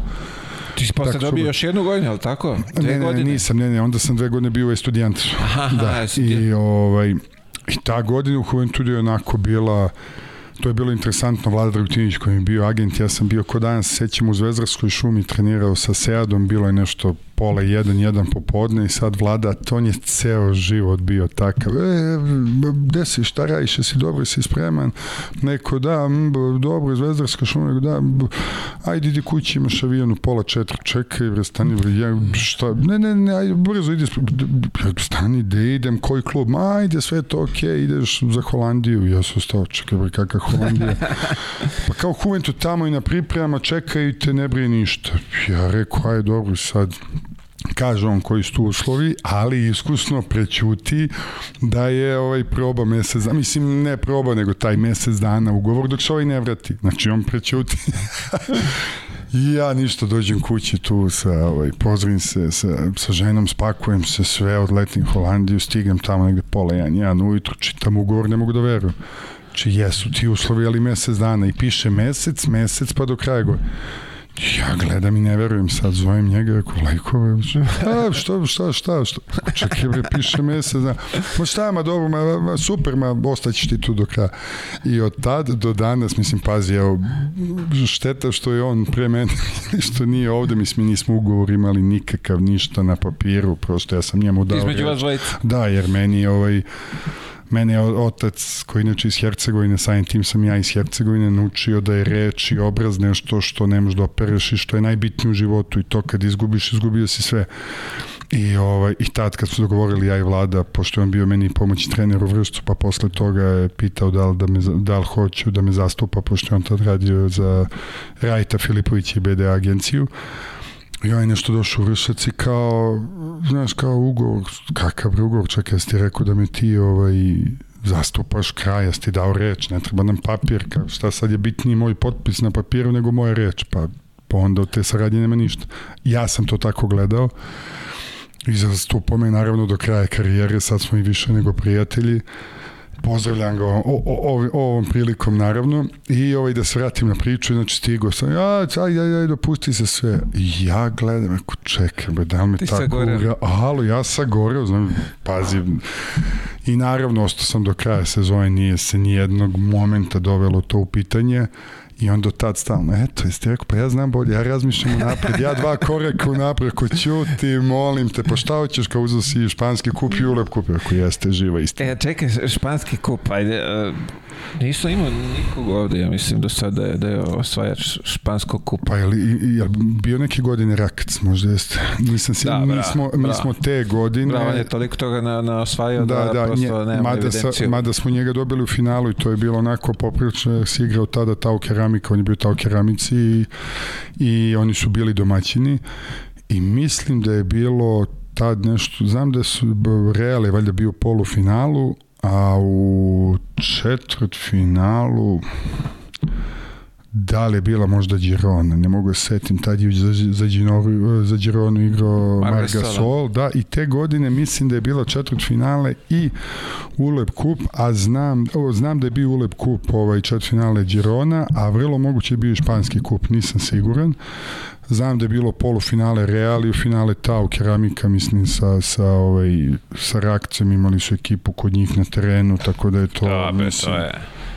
To je bilo šta, šta pričati, da, ali mi smo igrali, ja kažem, uh, uh, interesantan deo saradnje možda sa Itom je što za razliku od ostalih trenera, on ima dve, tri akcije i to je to i kod njega nema, znači ima dijamant, rogovi i sve se iz toga igra, ima neka minijatura pick and roll na pola terena i čemu sad ostale akcije? i ti svaki trening praktično samo delove iz dijamanta, prosto da li bek izađe šutne, da li onda centar izađe njemu pick and roll, da li se spušta lopta na centra, ali mnogo jednostavna košarka koja je te godine dala rezultat. Neke moje, ovaj, ja kažem, kasnijeg gledišta, sigurno on to tako i postavio jer ima igrače za to, mislim, kad imaš Rike Rubija na playu i Rudi Fernandeza u naponu, snage i... I dole moj sa kom mi samo pa, baciš gore, on džipne. Ma nemo i mene dole. Dobro, ti, si, ti si bio u parteru, ti si bio u parteru. I, ovaj, ma da, mislim, ima igrača koji su to izneli i stvarno ovaj, rezultat je tad bio onako Vidi, e, španski kup i ulep kup iste godine. Iste godine, da bilo je baš, baš, baš tad smo, ja mislim čak i Pešića dobili u polufinalu ovaj Dinamo u, u, u, ovaj, u, u Lep kupu da je bilo u Torino tako da su i oni imali mislim da je bio Pešić polufinalu. Da beše da, Torino Final 8 ali tako, tako je, Final 8 Final 8 da. bilo isto vrhunsko takmičenje. Sad tad, tad se sećam da su me posle svake utakmice ovaj, zapala doping kontrola, eto koliko sam sreći imao. pa vidi, izgledaš ka tako kao da se A, dopinguje. to mislim. E, recimo jo, a, a i to trener, molim te, ovaj, on važi onako za, za mekanog trenera, kako si ti to... Ovaj... Pa nije što ne... Ne mislim ne, ja da. trener, znaš na šta mislim, na, pa, na ovu drugu stranu pa, života. Pa dobro, nije... Kakav je on bio prema vama igračima, to? Ne, stvarno nismo imali... Ne bi nikad rekao da je na, na, na toj strani. Ma, ja kažem, on je profesionalac isto, isto donekle kao David Blood, znači, mada tamo se malo više radilo, mora priznati, imali smo dobro kondicionog trenera koji je malo više vodio to računa šta jedemo, kako jedemo, kako se ponašamo, uh, pokušavaju da napravi nešto od nas što i nismo konkretno od mene, on je sad nekom formulom izračunao, ne mešam se u, to, u njegov rad, ali nekom formulom izračunao sam ja tad trebao da imam ispod 120 kila. Ja sam uvijek imao od 125 do 130 kila. I posle svakog treninga, treninga smo mi tu nešto trčali, trčali, mislim ja konkretno, on mi pravio pro, program da ja skinem neku kjelažu. Siđem ja ispod 120, ma kaki, nemam snage kopile, ne mogu ništa živo da uradim kako su počele brojke da mi padaju, tako neko, upravo si ti. aj ti svojim, svojim putem. A, kažem, a i to nikad, stvarno, Vujek je bio profesionalac i, i zaista je, ne znam, jedno od lepših iskustava kod njega biti ovaj igrač, zaista.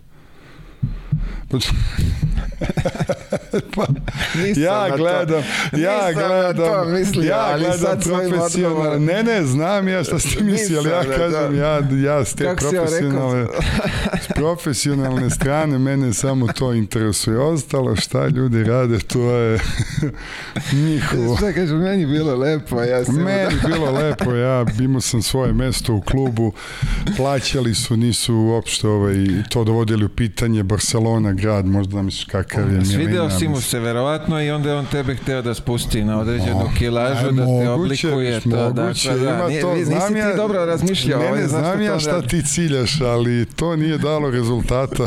Brojke prosto nisu dozvolile to. A, kako, e vidi, to je uvek, gde god smo bili negde, uvek je bila priča za njega da on tako malo je ovaj...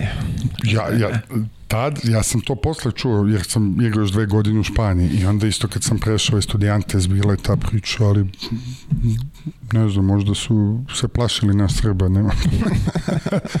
Pošto to je sad sledeća anegdota u Estudiantesu, tamo sam imao najveći peh u svojoj karijeri, pošto sam ovaj opericu vilicu bio, dobio sam udarac od Cimera i zaista je slučajan udarac, prosto svi koji igramo košarku znamo kada je slučajan, kada je namerno i ovaj, on mi je dve, dva zuba sateru vilicu i ovde pukla vilica, to je bilo negde četvrtak uveče i u subotu smo igrali protiv Real Madrida I ovaj, ja sam imao tad, ne znam, 23 šava, otvorili su me celog, operisali i ja rekao, hoću da utakmicu. Ja kao, čekaj, bre, si normalan, ne možeš, ma rekao, čekaj, ja sam došao ovde, ako neću da igram protiv Real Madrid i protiv Barcelona, koji ću utakmice da? To je suština, tako da sam tad irao na ovaj, svoj potpis. Svoju odgovornost. Tako je, doktori nisu hteli da me puste, naravno, igrao sam i eto, Čekaj, jesi dobro. stavili neku masku, nešto, imao si zaštitu, Pa nije... nisam, nisam imao, ne mogu da gledam, mislim, neko bi rekao da imam veliku glavu, ali, da, nije, ali, to nije tačno. Da. ovaj, tako da ovaj, ne, ne mogu s, tem, s tim maskama, prosto nikad nisam mogao, tako da bez maske sam igrao, ali eto imao sam sreće da tada ne dobijem drugi udarac, vjerojatno sam tada dobio udarac. Ćao, zdravo. Pa, ko zna šta je bilo, baš je bilo onako interesantno. A vidi ovamo predgrađe Barcelone, a ovamo predgrađe Madrida. Kako je ovaj... Pa, a, nije, imali smo sreće, jer a, jeste da pripada a, Juventud predgrađu Barcelone, ali smo mi živeli u Barceloni. Svi, da, mi smo živeli Porto Olimpik, to je možda i najlepši deo Barcelone, bukvalno samo oni kružni put nas je deli od plaže. Zapišite, ne- ko ne zna, E, Porto Olimpik, da znate tako da, da idete. je, tako, blizu je tu odmah Sagrada Familija, čuvena crkva i mnogo lep deo Barcelone, bilo je 10-15 minuta do, do, do hale u Juventuda koje jeste predgrađe, ali to je bukvalno samo s druge strane ko Beograd i Novi Beograd, m, samo s druge strane autoputa. Vamo Estudijante su, Estudijantes je, boga mi, bio u centru Madrida, mi smo živjeli 300-400 metara od Santiago Bernabeo, tako da, ovaj, mislim, šta Stvari, reći? uh, hala njihova, gde je?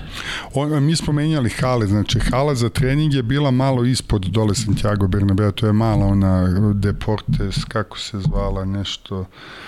To je studentska hala i osnovna škola i sve u tom malom kompleksu, a onda su hale, menjali smo gde smo igrali, jer Estudiantes nema svoju, mislim tad nije imao, ne znam sad, da li su A, napravili neki... to nisam znao, vidiš, ja, ono kad sam gostao tamo kod njih, malo je nekako izdvojeno bilo. Da, da, nismo- bila je ona što je izdvojena, ona staklena Tako je, Da, tako je, da, da, da, da, da, da, Ono to je da bilo je malo ukopano dole u Tako je, da. tako je. To je bilo, to je bilo ovaj jedne sezone, druge sezone. Menjali su i bilo je par tih hala po, A, više, ja sam mislio da je to njihova... Nije, nije, nije, nije. Njihova i njihova je bilo onako manja je, baš manja hala. Čekaj, možda sam ja tu mislio da ta jeste ukopana. Ukopana je onako ko recimo hemijska škola u Vršcu gde smo igrali. Tako, mala, mala, baš je onako kao kutica. pa da, da, da, da. pa da, ali to je za trening hala. I tu smo možda baš igrali utakmice kad su ove druge dve velike bile zauzete. Da, vidiš, da. Nisam znao za to. Eto. Uh, Madrid, ko Madrid? Život tamo? carski grad, kraljevski grad, šta reći. Pa fenomenalno Španija, mislim, bliski su dosta nama, vole da uživaju u hrani u piću.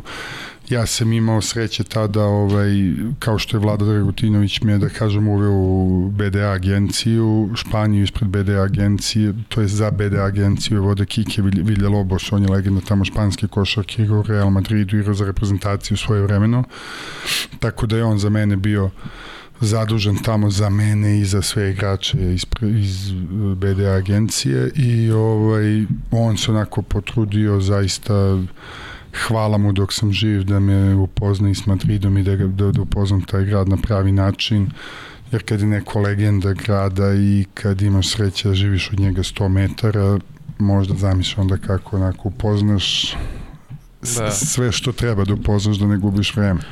Carski. Jesi išao na futbol? Ja, jesam, ima jedna anegdota, sad sam skoro ispričao. Prvi put kad sam išao na futbal bio je a, a, 2. januar. Igrali su, mislim, sa Majorkom. Uzeli mi neke Pričaš o Madridu? Da, da, Madrid, Madrid. I ovaj... I to je onda, bilo je ovde u svim medijima, tad je kao pao snijeg posle 10 godina prvi put u Madridu, 2-3 stepena, kolap, sve stalo, onako fino je ladno bilo. I ovaj, dobio ovi iz kluba mi dali neke karte, ja sad obuku i sad je naviku ko u Srbiji, znaš, trenerka, pa jedne čarape, pa druge čarape, pa farmerke, pa duks, ono, ova, kako se zove, aktivni veš, znaš, da ne promrznem na stadion, mislim, idem dva stepena. Došli mi tamo, borazeru, grejanje na stadion. Znači, Čekaj, dobio si ložu ili si dobio regularno sedište? pa regularno sedište, ali oni imaju na većem delu stadiona imaju grejanje. Znači imaju ono gasno gore kao kod nas po halama starimo. Burazir, ja sam proključen. Znaš, kao došao čovek iz Srbije, aktivni veš, sve u fulu, grejanje na stadionu. Tako da, ovaj, bio sam i na onoj jednoj utakmici isto na Santiago Bernabeu te godine, sad se više i ne sjećam jedno te dve kad sam igrao, ali tačno kad je bilo, kad je dobio Real uh, Barsu, ono 4-5-1, to je isto bilo, tad sam recimo bio prvi red do, do, do, ovaj, do terena, bukvalno su igrači bili na 3-4 metra do mene i to ima svoju čar, znači svaki, s, s, po mom mišljenju na tom stadionu svako sedište ima nešto ovaj, Da li, a tu dole ako si onda ne vidiš tamo šta se dešava? Pa ne je- vidiš, ali vidiš igrače, tu si blizu, vidiš ispred gola šta se dešava, tako da ovaj, ima svoju čar. Vidi, futbal je dobar gledati. U stvari svaki sport je dobar gledati ovaj, pored televizora. Tu imaš usporeni snimak koji ti približi odalje. Pa se ovako, izvališ, ako pa proma- Tako je. Udobno za nas ovako. Ovako ako ovaj, promakne jedna, ne, moraš kući čekaš da dođeš da bi vidio šta se desilo. Uh, iz Madrida u hladnu Rusiju. top. da se Dobro, okre- grad je top, to da. Ovaj, Sankt Petersburg je u pitanju, Tako, Zenit. Ta, ne, tad se zvao Spartak Sankt Petersburg. Aha, aha, posle, aha. posle bio Zenit, Mislim, Spartak to je, su- samo promenili ime, tako? A, pa promenili im, ugasili su klub, isti je sponsor bio ovaj, uh, Gazprom i onda se posle zvao ovaj, Zenit. Tu je opet onako uh, uh, pa neki lep segment u životu, jer upoznaš neku drugu kulturu, upoznaš neku drugu zemlju, upoznaš Kaka- ja mislim da je to najveće bogatstvo koje sam imao kroz svu tu karijeru što sam igrao u različitim zemljama, ali uvek u lepim gradovima. Sam Petersburg, carski grad, znači svakom zaista onako od srca želim da ode da, da vidi ko nije imao priliku da vidi. Ekipa je opet bila onako poprilično dobra, tad sam opet drugi put igrao s Perom Antićem, prvi put u Zvezdi, ovaj drugi put u San Petersburgu, Dragović, Nikola Dragović koji se UCLA došao, to je njegova prva profesionalna sezona, Henry Domerkant je tad igrao ovaj, kod nas. Prvo smo potpisali Smuš Parkera koji inače ima ovaj prsten iz LA Lakersa playmakera, pa posle toga je došao on se nije baš najbolje snašao, on je došao nešto iz Kine, nije baš bio spreman, pa su ga zamenili za jedno mesec dana, dva. Pa je došao ovaj, uh, uh, Patrick Beverly, koji ja mislim da i sad i dalje igra u NBA-u, tako da smo i tad i Miha Zupan iz Slovenije, ko je još bio dobro, da, bio, bili su od Rusa ovaj, Anton Pokrašov koji je godinama igrao za, za, za reprezentaciju Rusije, bio je Bašminov od Centara, bio je Zozulin koji je posle igrao u CSKA, tako da smo imali onako poprilično dobru ekipu, imali smo i tu šanse da, da, da osvojimo Rusku ligu, izgubili smo nesrećno od, od u polufinalu od, od ovaj... Uh, Pričaš, je tad bila Ruska ili VTB? Ruska, Ruska, tad je Nije bila bilo Ruska. još VTB. Nije bila još VTB, taj je bilo 10 ekipa iz, iz Rusije i izgubili smo od Himkija u polufinalu, pritom smo vodili, ja sam ja tad kažem, a, a, za tu utakmicu treba uzeti, a, narezati snimak i puštati deci kako svaka utakmica može da se izgubi.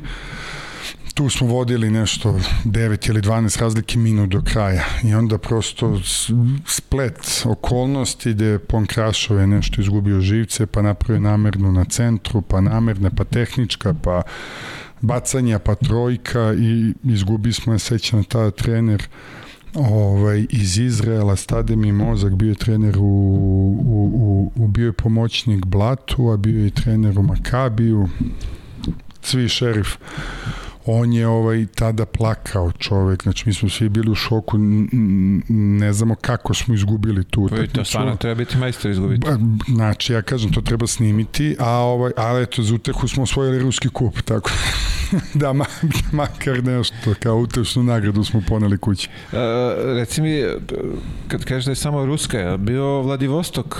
Nije te godine bio, Ne. srećom. Sre, Ne, pošto sam posle čuo da je to ovaj... Pa da, pričali su mi kako su, ovaj, mislim, Anton Pokrašov, Zozulin, svi ovi Rusi su igrali godinama tamo, tu njihovu ligu, onda su im pričali da, da čak ovi ostali klubovi premiraju slabije klubove da dobiju ovaj Vladivostok na strani, daju premije da bi ih izbacili u drugu ligu, da je jedna od, od ska, da, da, od nekih onako kao, znaš, ne zvaničnih, ali prosto se to radilo, a sve ekipe su gledale, pošto je tolika vremenska razlika, da dođu samo diraju utakmicu i da se vrate.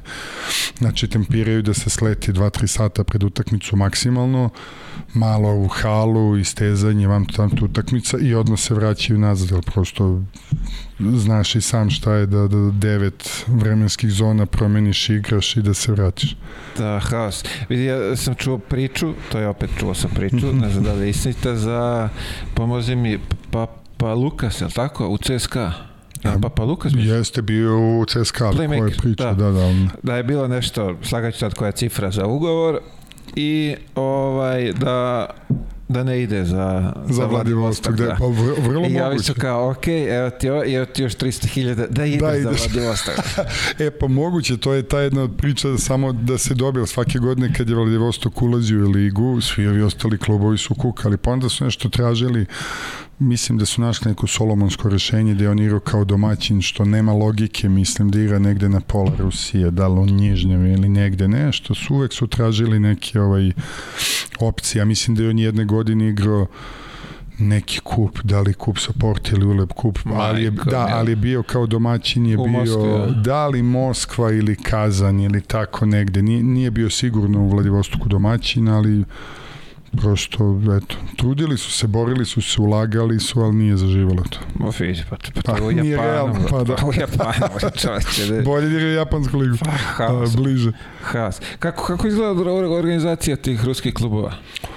Pa, da, u A kapiram, oni su ono sa lovom, tu nema frke, nego ovako. Ona, pošto... Bilo je, bilo je sve dobro, ali zaista bio nam je ovaj, Aleksej, taj sportski direktor, Uh, on je bio čovek koji, koji je isto igrao košarku i bio je na koleđu u Americi u inostranstvu sa školovo, vratio se nešto je malo igrao za reprezentaciju Rusije i onda su ga postavili sportskog direktora tako da je znao kako treba. I, ovaj, I oni su isto doveli onako organizaciju, sad evo kad, kad, kad svodim ovako redom, ne, ne pamtim kad sam u poslednje vreme ovako detaljno pričao, stvarno, ali ovaj, sve smo dobro organizove klubove, recimo konkretno mi smo imali vozača tu u, u Rusiji, ali temperatura išla do minus 35, 37, recimo ovaj, moj sin nikad neću zaboraviti koji je tada imao par godina izađe napolje, mi tri godine imao izađe napolje svega, sve obučemo što je moguće i aktivni veš i džemper i farmerki preko toga skijaško delo i to specijalno neko tamo koje trpite vid niske temperature izađe napolje kaže tata mene boli lice od ladnoće da. jer to je minus 37 38 i duva vetar sa zaliva kao ovde kad je košava, znači ne mogu ti opisati tu količinu hladnoće. I onda iz tog razloga pretpostavljam, svi strani igrači su imali svoje vozače, koji između ostalog su zaduženi za tebe, njima su tad davali tamo znatno veće plate nego što oni mogu da nađu negde i ovaj prosto su oni dolazili po nas kolima vozili nas gde treba, pokazivali, znači šta god ti trebalo, bukvalno kao tvoj neki privatni, ne znam, nije. Lični šofer? Pa da, lični šofer, ali kao tvoj neki privatni pomoćnik za sve, ono, ne znam, treba mi to da kupim, on to odvede, treba mi to, ovako ćeš, treba mi to, znači bilo koji problem da smo imali, treba mi doktor, ne znam, za dete, apsolutno šta god treba zoveš njega, isto se zvao Aleksej i bio je fenomenalan lik, I on je uvek dolazio kad mu kažeš, on dođe ispred, ispred ove zgrade, auto je zagrejan, pripremljen čist, tako da... Ovaj, to je samo da izađeš i da uđeš. Tako je, tako da i tu je organizacija, tu je malo bio uh, problematično svako gostovanje, jer smo mi istirali tada Euro, Eurocup, ne znam kako se zvao te godine i, i, i Rusku ligu i onda je malo svako putovanje bilo do Moskve, pa su onda bile druge konekcije. I Čega, ovo sam čuo isto uh, vezano za, za, za Sankt Petersburg. Ako se vratiš kasno negde sa puta, mostovi je, se tad, dižu i možda tako, se slikaš. Tako je, tako je. Pa to je, to, to je ta dva velika ovaj, ostrava, na, na jednom smo mi bili. Oni su imali devet mostova tada, sad se značajno izgradio San Petersburg, pričamo o periodu od pre 11 godina Ovaj, tad je bilo tih nekih devet mostova od kojih su se šest, sedam, kad je Neva plovna, ali to nije cele godine, znači to je par meseci od maja u godini i u pola jedan se ti mostovi dižu da bi mogli da prođu ovi brodovi. To je nestvarno, to je kao Lego kockice, podigne se prosto most, sve sa ne znam šinama za tramvaje ili ako idu trolejbusi sa žicama, sve sa onim kućicama nekim koji preko zime su tu, ne znam, obezbeđenje šta godina su to ako podigne i nestvarno se kao tu sa koji iz Lego kockice. I ispod prolaze bod, brodovi, jeste živa istina i to je ovaj... Ste zaginuli nekada, mora pa, da čekate? više puta, pa da, vidim kako razmišljaš pokvarene misli.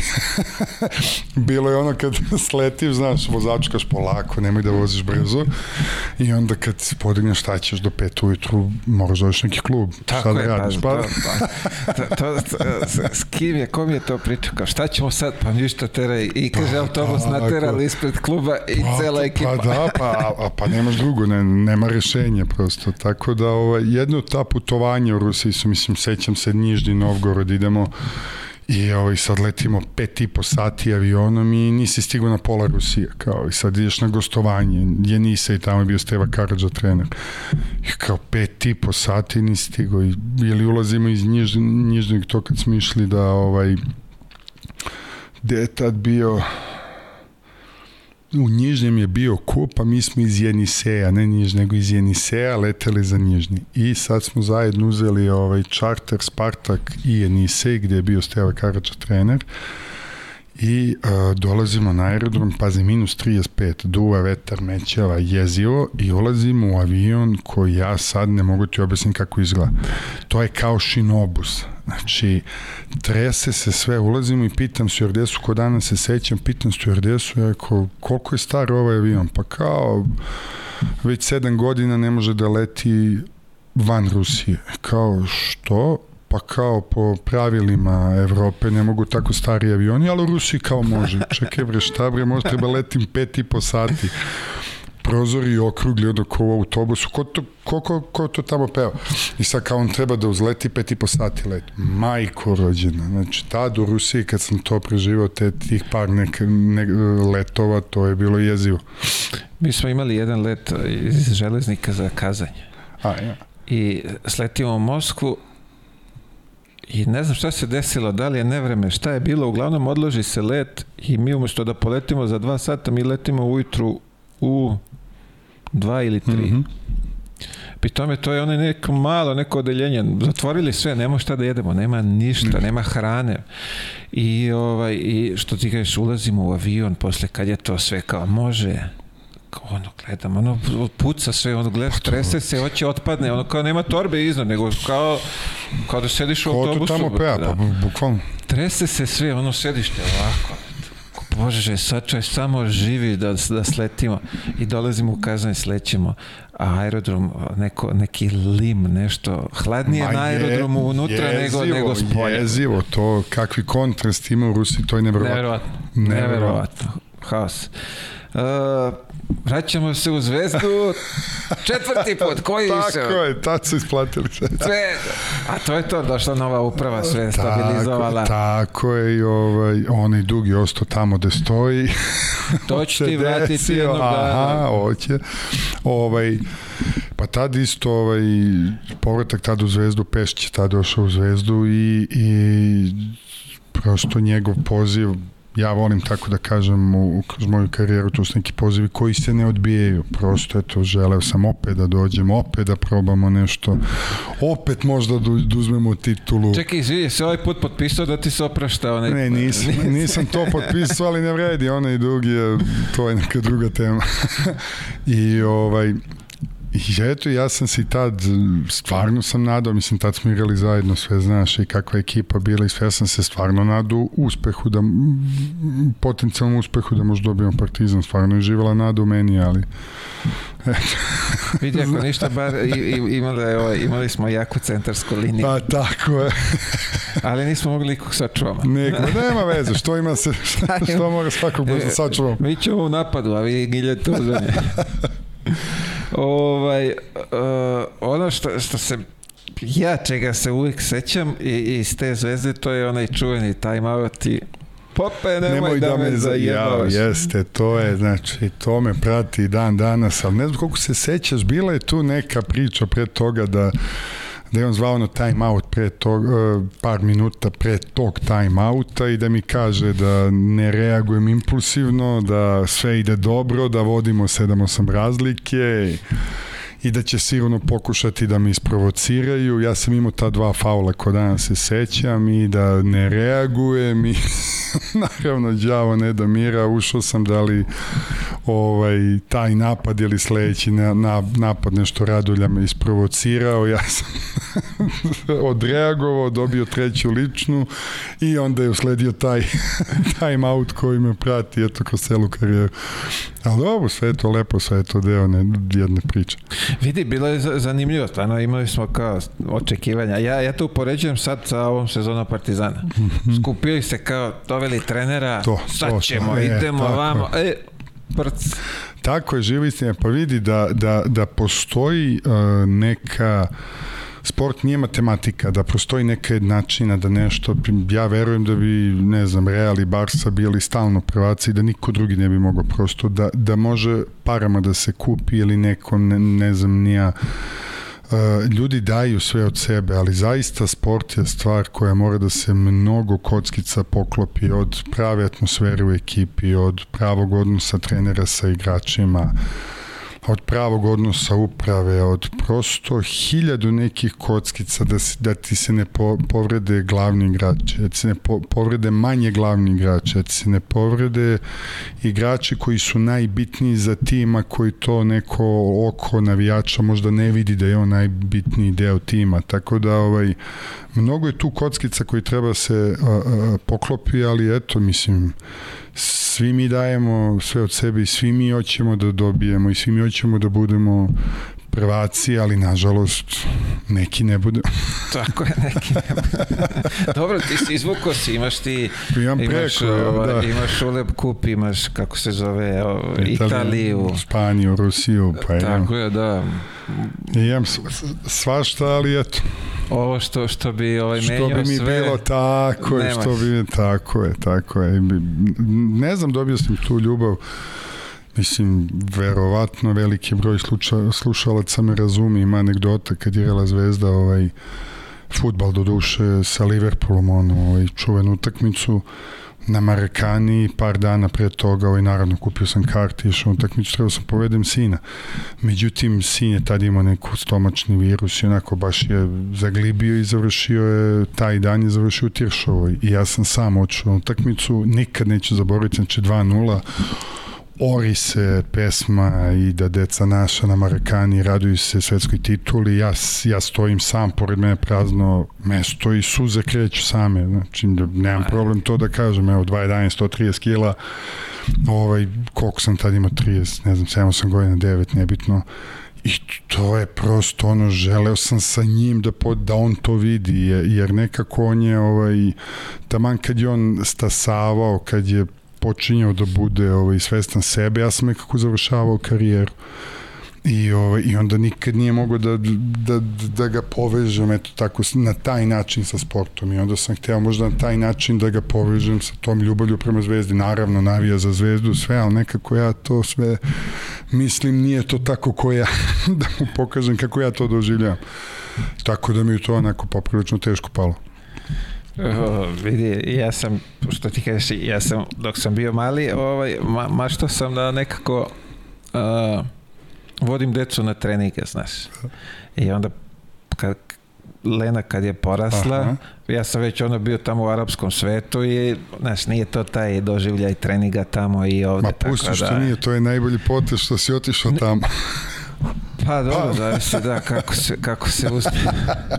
kako se uzme. Sad ja tebe da propitam malo. kako je tebi bilo? A da ja tebe pitam. A da tebe pitam. Ovaj, uh, još malo oko te sezone sa, sa mm -hmm. saradnje sa, sa Karijem. Vidi, bilo je tu mnogo smešnih ovaj, dogodovština. Ja njega doživljam kao, kao drugog uh, oca. Ovaj, zaista, on je čovek od koga uh, u svakom momentu može mnogo toga da se nauči. Sve te smešne njegove anegdote i svaki ovaj, taj neki kažem, intervju, sve je to s razlogom, sve je to uradio da nekom pomogne zarad rezultata, da nekog zaštiti, tako da, da ja prosto njega obožavam, sve i njegov način rada i kako on to radi i, i ako neko može da napravi rezultat u ovom momentu sa reprezentacijom, mislim da to on može. Poprilično sam ubeđen, jer ako on ne uradi, teško da će neko drugi. Pa vidi, poželit ćemo im svu sreću. Tako je, tako da je. ostanu uvek. svi zdravi. Ovaj, što je ovaj, najbitno. Tako, tako je, je, pa evo, tu su polako krenuli su sa, sa okupljanjem, pa tako je. bože moj, nekim je sa srećom. Uh, Nemačka, Ti si otišao gore po, posle Zvezde, uh, to isto bilo neko Eurocup takmičenje, su učest? Ne. Uh, ja mislim da ste igrali jeste, nije, Da, ali drugačije se tad zvalo, nije ovo Ulep Cup, nego ono, to je bilo Challenge Cup.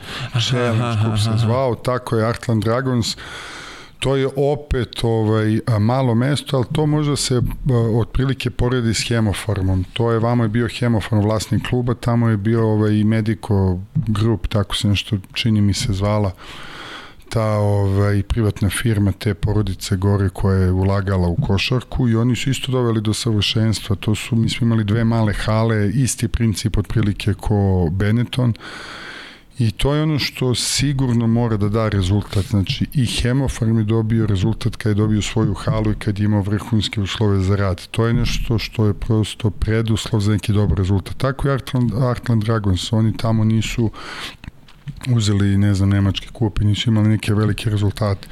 Ali uvek to bilo tu, znači igralo se polufinale ili finale Nemačke lige, uh, uvek su pravili neki igrače, uvek su pravili trenere i prosto uslovi za rad su bili fenomenalni. To je malo mesto, bukvalno ne znam, ima možda 15.000 stanovnika, ali ko ima sve. Pritom je 45 minuta udaljeno od Bremena, 45 minuta Oldenburg, Osnaburg, znači fenomenalno sever ovaj, Nemačke, o, opet mo... hladno ali standard. Tako je, tako je, hladno ali standard. Opet lepo iskustvo tu je možda opet na, kao u Rusiji bile su teška putovanja pošto tamo bila loša konekcija sa ostatkom Nemačke i onda svuda prvo autobusom par sati pa avionom ako se putuje, ako se ne putuje. Znači svako gostovanje je bilo 3, 4, 5 sati autobusom a za meni i tebe ovako ma, maljušnje, to sam znaš koliko je da, napadno. Da, da.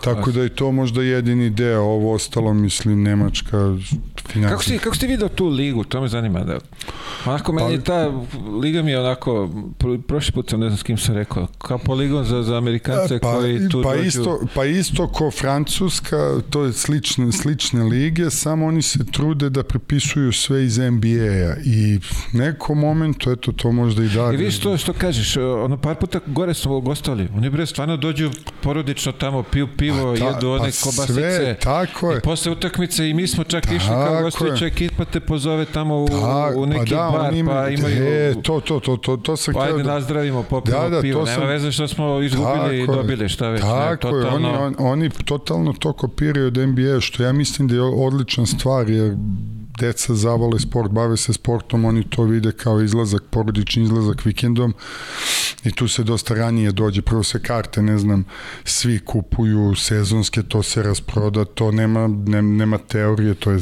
prestiž tamo imati, jer iako je mesto, ne znam, 10-15 hiljada stanovnika, mi smo imali halu, ja mislim 4-5 hiljada, to je sve rasprodato, to je svaka utakmica puna, ali puna sat vremena pred početak utakmice. I to što ti kažeš, dođu porodično, pa ima zabave, pa slikanje sa igračima, pa interakcija i prosto ja, nije to loše, jeste da je poligon za Amerikance, jeste da vole malo tu što bi mi rekli s ovih prostora divlju košarku, ali prosto ko, ko i NBA do, do momenta play-offa sve je to neki show koji da, treba da, da donese da, da, da. prihod i mi smo tu najmanje bitni, iako smo glavni učesnici, nekako smo moderni gladijatori. A, sad kad kažeš to, je možda misliš ovdje da se završi Partizan Zvezda i kao, I kao posle, ajmo na pivo. Nadam Ali se. u sklopu hale. Pa, pa što najgore, nadam se. Ja, ja, ovaj, ja imam mnogo drugara ovaj, koji naviju za Partizan. I imam mnogo, imam kumova koji naviju za Partizan. I sve dok je taj neki zdrav rivalitet, ja mislim da je to super. Ne treba ići u krajnost ni u čemu sve, sve što je ovaj ne znam, eto, nadam se da ćemo mi dostići neka taj nivo svesti, ali prosto teško, mi smo drugačije duše, mi smo, mi smo impulsivni ovde, mi smo ne, ne znam da li možemo mi da dos, dohvatimo taj nivo, ne znam, nadam se iskreno, ali teško. Teško. Teško. teško. Poznavajući kako teško, to, teško. teško. Nema. A, imao si izlet u Tursku. To je Tako. nešto onako, tu si neku povredicu pa, doživeo, nije baš tu, bilo sjajno. Pa, tu sam, mislim, tu je dobro sve krenulo, tu sam bio kapitan ekipe, Demir Hakan me ovaj doveo. Kapitan koji ekipe? Da, kapitan ekipe sam bio super sam ja krenuo. To je odmah, prve godine ste dali? Odmah, odmah, čim sam došao, pa da, kao neko, tu sam bio među starim igračima, imao sam ovaj kao iskustvo i njegova je odluka bila trenerova, to mi mene onako iznadilo, ja došao, stigo i kao ti si taj. Ako dobro, izneću to.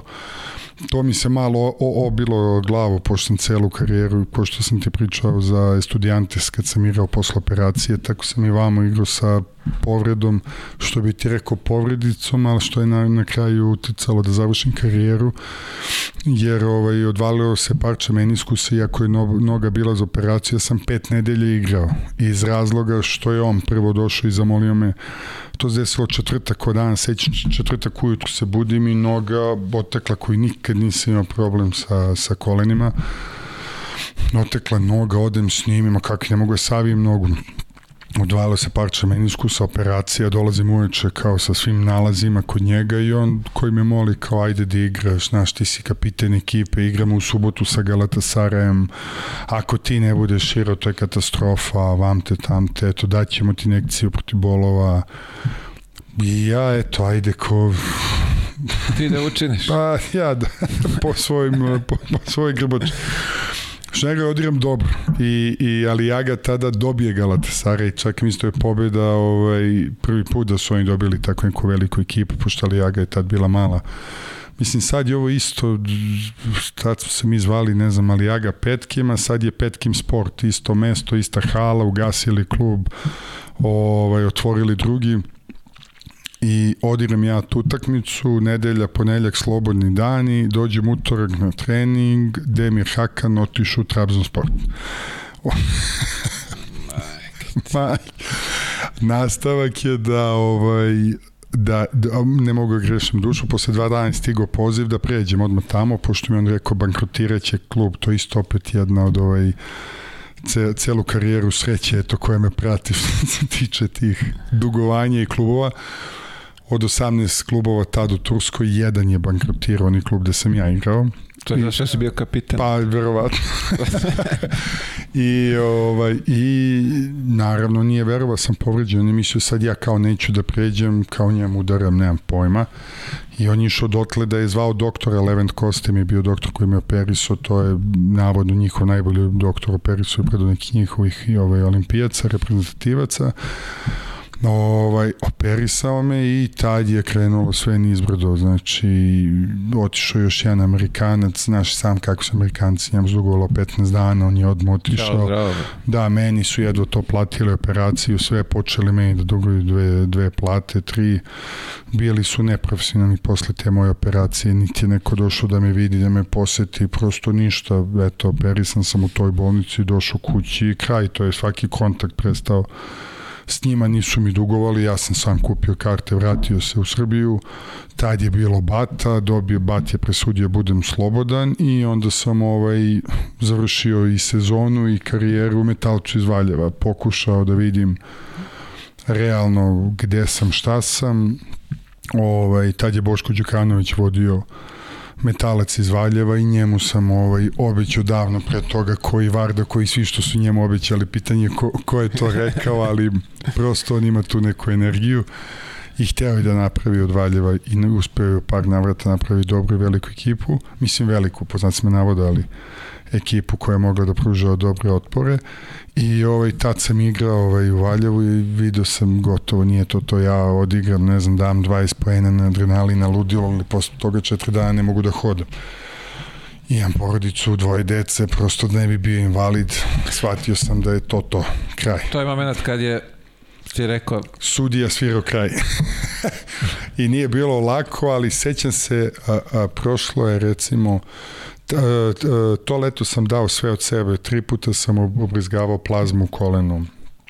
Ček, ti si sam... hteo još kao postava? Da, da, pa ne, ja sam hteo da vidim da li može zaista i dao sam sve od sebe, znači celo leto koji svako leto sam radio sa Seadom, celo leto koji svako leto sam radio sa Žaretom Vučurovićem, tri puta sam obrizgavao plazmu, išao na terapije, jačanje noge, sve, ali prosto ne ide kako krenem košarkaške neke poteze, ja ne mogu da hodam, ne mogu da dođem do, do, do kuće. I, ovaj, i sećam se, ne znam, bio neki septembar, kad sam ono došao sam sa sobom i rekao, e, to je to gotovo, nije prošlo tri dana. Kuz, da, Kuzmanović me zvao, ovaj Kuzma, iako ovaj, mi nije bio agent, ali on rekao, e, imam neki klub, Turska naravno kao oduševljeni s tobom, ovo neko, ne, mož, kao šta te briga, ajde, rekao, ne mogu na vrednić proći, proći medicinske preglede, znam sebe, nije realno, ali bukvalno dva, tri dana. I eto, tako, i, i, i tu je sudija svirao kraj.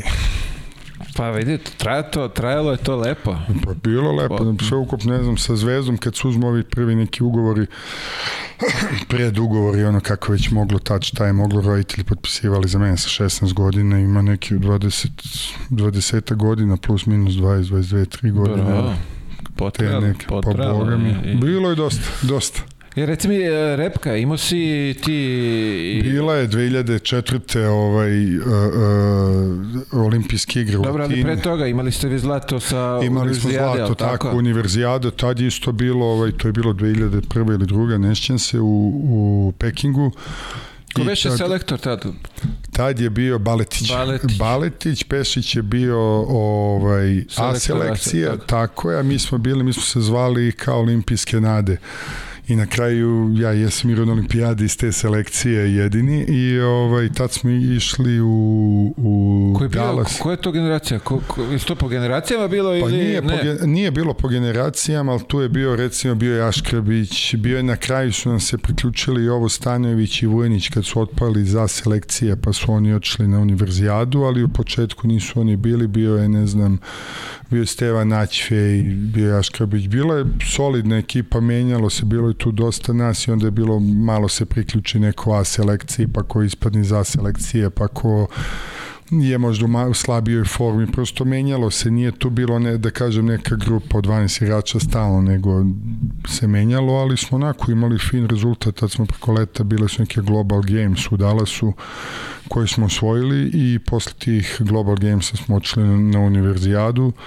I ovaj, tamo su uzeli zlato i to u Kini, a tad u Kini, mislim, za Kinu su igrali i Yao Ming i oni Zhu Zhu i treći, oni su tad imali tri NBA igrača, oni iz Dallas. Zhi Wang je, tako već? Da, e, Zhu Zhu, Zhu, Zhi Zhi Wang, tako, da, da, da, trojica, ovaj jedan igra u Dallasu, Yao Ming i da igra treći. Tako da su imali oni odličnu ekipu, ali smo ih 60 razlike dobili u finalu. Imam negde sliku ovaj, sa... Pocepo si Yao Ming? Mas, kao i uvek. I ovaj, tako da ovaj, tu smo imali zlato i onda posle toga 2004. Atina kao neka opet ovaj, Mislim, olimpijske igre su zaista ovaj, neko takmičenje koje zaista, svaki sportista želimo da, da to je onako specijalna energija i, i skup toliko igrača i sportista iz različitih zemalja, to je neko baš treba doživjeti, tako da sam ono zahvalan što sam u tom nekom segmentu uspeo da dotaknem to. Nažalost nismo stvarili rezultat, ima sad tu brdo ovaj, stvari. Zašto je to tako, opet manje sportske sreće, mi smo i u grupi bili s Italijom i Argentinom, izgubili smo i od Italije i od Argentine po pola koša, na kraju su oni igrali finale, Argentinci su tad uzeli zlato, Italijani srebro, Znači, bile su jake reprezentacije, manjeg sreće, prosto dešava se u sportu i tako je kako je. Pa dobro, ali vidi, bio si član Tako stacije, nastupio Drug si ni član. manje, drug član, ni manje ni više nego olimpijada. Drug član. Bravo, super, čestitam. Hvala, Još jednom hvala. čestitam. hvala Milenci. A, a, najteži moment u karijeri? Najteži moment u karijeri. Pa šta? Razmisli dobro. Pa dobro da radim. Ne znam. Pa eto možda ta, ta povratak sa olimpijskih igara, onako, to je... Utučeni. Pa da, nekako pored zvezde koja mi je bila ovaj uh, uh, san i mislim da je san svakog mladog sportiste, drugi san je sigurno reprezentacija i kad braniš uh, boje ove države. I svi smo tad nekako sagoreli u toj velikoj želji i, i teško je, bilo je i breme sigurno veliko nad nama i svi su očekivali da napravimo neki rezultat i ne da nismo napravili rezultat, onako baš nismo se slavno proveli kad smo se vratili, to mi onako baš trebalo da ovaj da, da, da pregurem psihički. Dobro, ti kao To- motivac. Pa, kapiram da, tako je, da, da, to, to i sigurno ova trojka iz auta od roleta, eto, te dve, da kažem, mrtva trka. Mrtv, ne, znam šta bi uzeo ovaj, kao prvo mesto. Nek bude da dele prvo mesto te dve situacije. Da, neka dele. Nekada. Ovaj, reci mi ovako sad, ajde, ti si lepu karijeru imao, za mene, ovaj, kao tvog bivšeg kolegu i saigrača, ozbiljna, ozbiljna karijera, hvala. čestitam ti na tome. A, je bi mogu sad petorku da mi napraviš po tvom mišljenju sa igračima s kojim si igrao? Sa kojim sam igrao? Tako je. Puf, Mene ne moraš da stavljaš na peticu. Pa to nije, ti da. znaš da se tebi bilo da, petici, ne, ne, to se je, ne, Glupo je, da, daj neke ozbiljnije. Pa petorka, pa vidi, uh, sigurno na playmakeru dvoumio bi se između Rikija i, i Zizisa. To je onako, Riki Ru- Rubio bio tad dosta mlad, ali uh, uh, ni jednim segmentom to nije pokazivo. Prosto igrao kao da ima 20 godina u, u rukama, nogama, nazovi kako god, a opet Zizis je bio tad u naponu snage, či zaista, eto, to, to je bilo, bio neki ovaj, pozicija 1. Pozicija 2, Rudi Fernandez, iako znam da ga ovde mnogi ne vole, ovaj, znači, zamrzat će me zbog toga, ali realno to je neka pozicija 2. Pozicija 3 svakako šiška, šiška uska sto bez, bez ono, ikakvog razmišljanja i pozicija 4 subjektivno i objektivno Topić, onako on je nekako Milenko. prosto Milenko zbog, zbog svega igrač, mislim malo je pričati o tome, ali ta mirnoća koliko doprinosi celoj ekipi i ovaj, koja je mene uvek znala da smiri kada treba i prosto njegov autoritet. Ne znam, eto, eto, to je onako možda, možda, a na petici, na petici od saigrača, pa je, pa bilo je, ne znam, a, a, a, Savo Đikanović recimo od, od, od saigrača onako on tad kad, kad smo ja zajedno bili u, u, u u Hemofarmu onako je bio ozbiljno dobra petica. Mislim, pazi, Jerome Moiso jeste bio veliki fizikalac, ali Jerome Moiso leđenu tehniku imao nula nije znao ništa, znači mogao je skoči. A Savo Đikanović je kako bio sve, naravno imao je srce ko planina, ovaj, znao je da se pobije, preinteligentan, znao je da doda, znao je leđima da odigra, onako baš je bio, imao još će za rampu, što ja nikad nisam imao, ja sam možda dve rampe lupio za celu karijeru, da budemo realni. Ovaj, eto, to, to nek bude to petorka. Ok, Od dobro. mojih saigrača. Tako je. A, sa toliko bogatim iskustvom, daj neki savjet za, za mlade. Ma samo rad radi i, i, i stvarno radi. Sad nije da ja dižem nešto sebe u nebesa i sve, ali ja se sećam jedna od anegdota, to kad smo baš dobili Partizan u pioniru, nije mala stvar dobiti Partizan u fi, pi, pioniru u finalu. I ovaj, krenuli smo ka Vršcu, znači bili smo već pijani kod Pančevačkog mosta, što je realno, tako mislim, nema šta sad uvijemo u mašnu.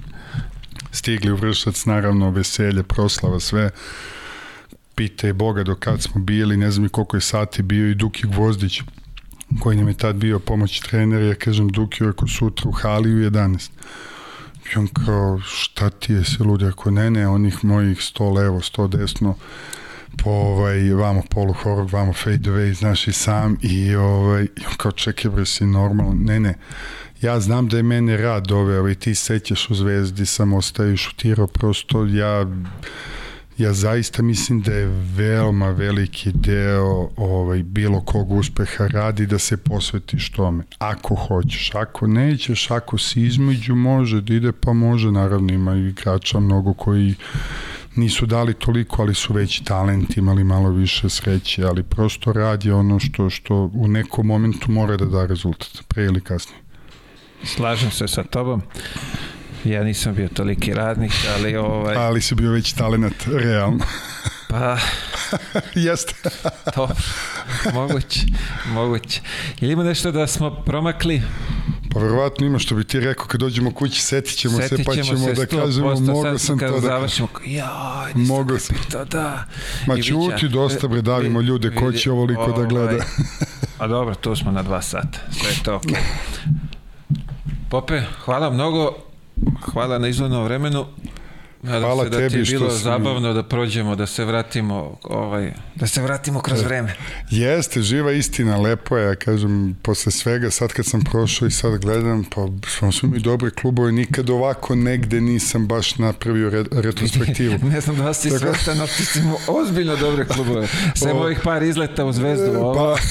ali, mislim, zbog pa, finansijske strane pa, pričamo, ali je ovaj, ovo ostalo ti je sve na, na, pa, na, na mestu. Eto, i, i imao sam sigurno sportsku sreću da me po, Bog pogleda da sam dobio pozive, ali opet i ti treneri su verovatno nešto prepoznali u meni, pa su me pozvali, trudio sam se uvek da dam i da vratim nešto i klubu i, i, i, i treneru i eto i sad iz ove perspektive uh, Mislim da ne bi promenio ništa. Eto, bilo je kako je bilo u tom momentu, sam mišljao da je to najbolja odluka. Da li se posle pokazala da ni najbolja odluka, lako je biti general posle borbe, ali u tom momentu je bila sigurno najbolja odluka. Što rekao ja, moj bivši ovde, donosio sam najbolje odluke u tom momentu. Tako je, pa jeste, ja to isto kažem, znam ko je bivši. Druga. Pozdravljamo vas, dragi gledalci, hvala vam. Vidimo se sledeće srede, nadam se da ste uživali. Pričajte, delite. Delite priče kako dobro radim. Tako je. Veliki pozdrav, vidimo se sledeće nedelje. Ćao.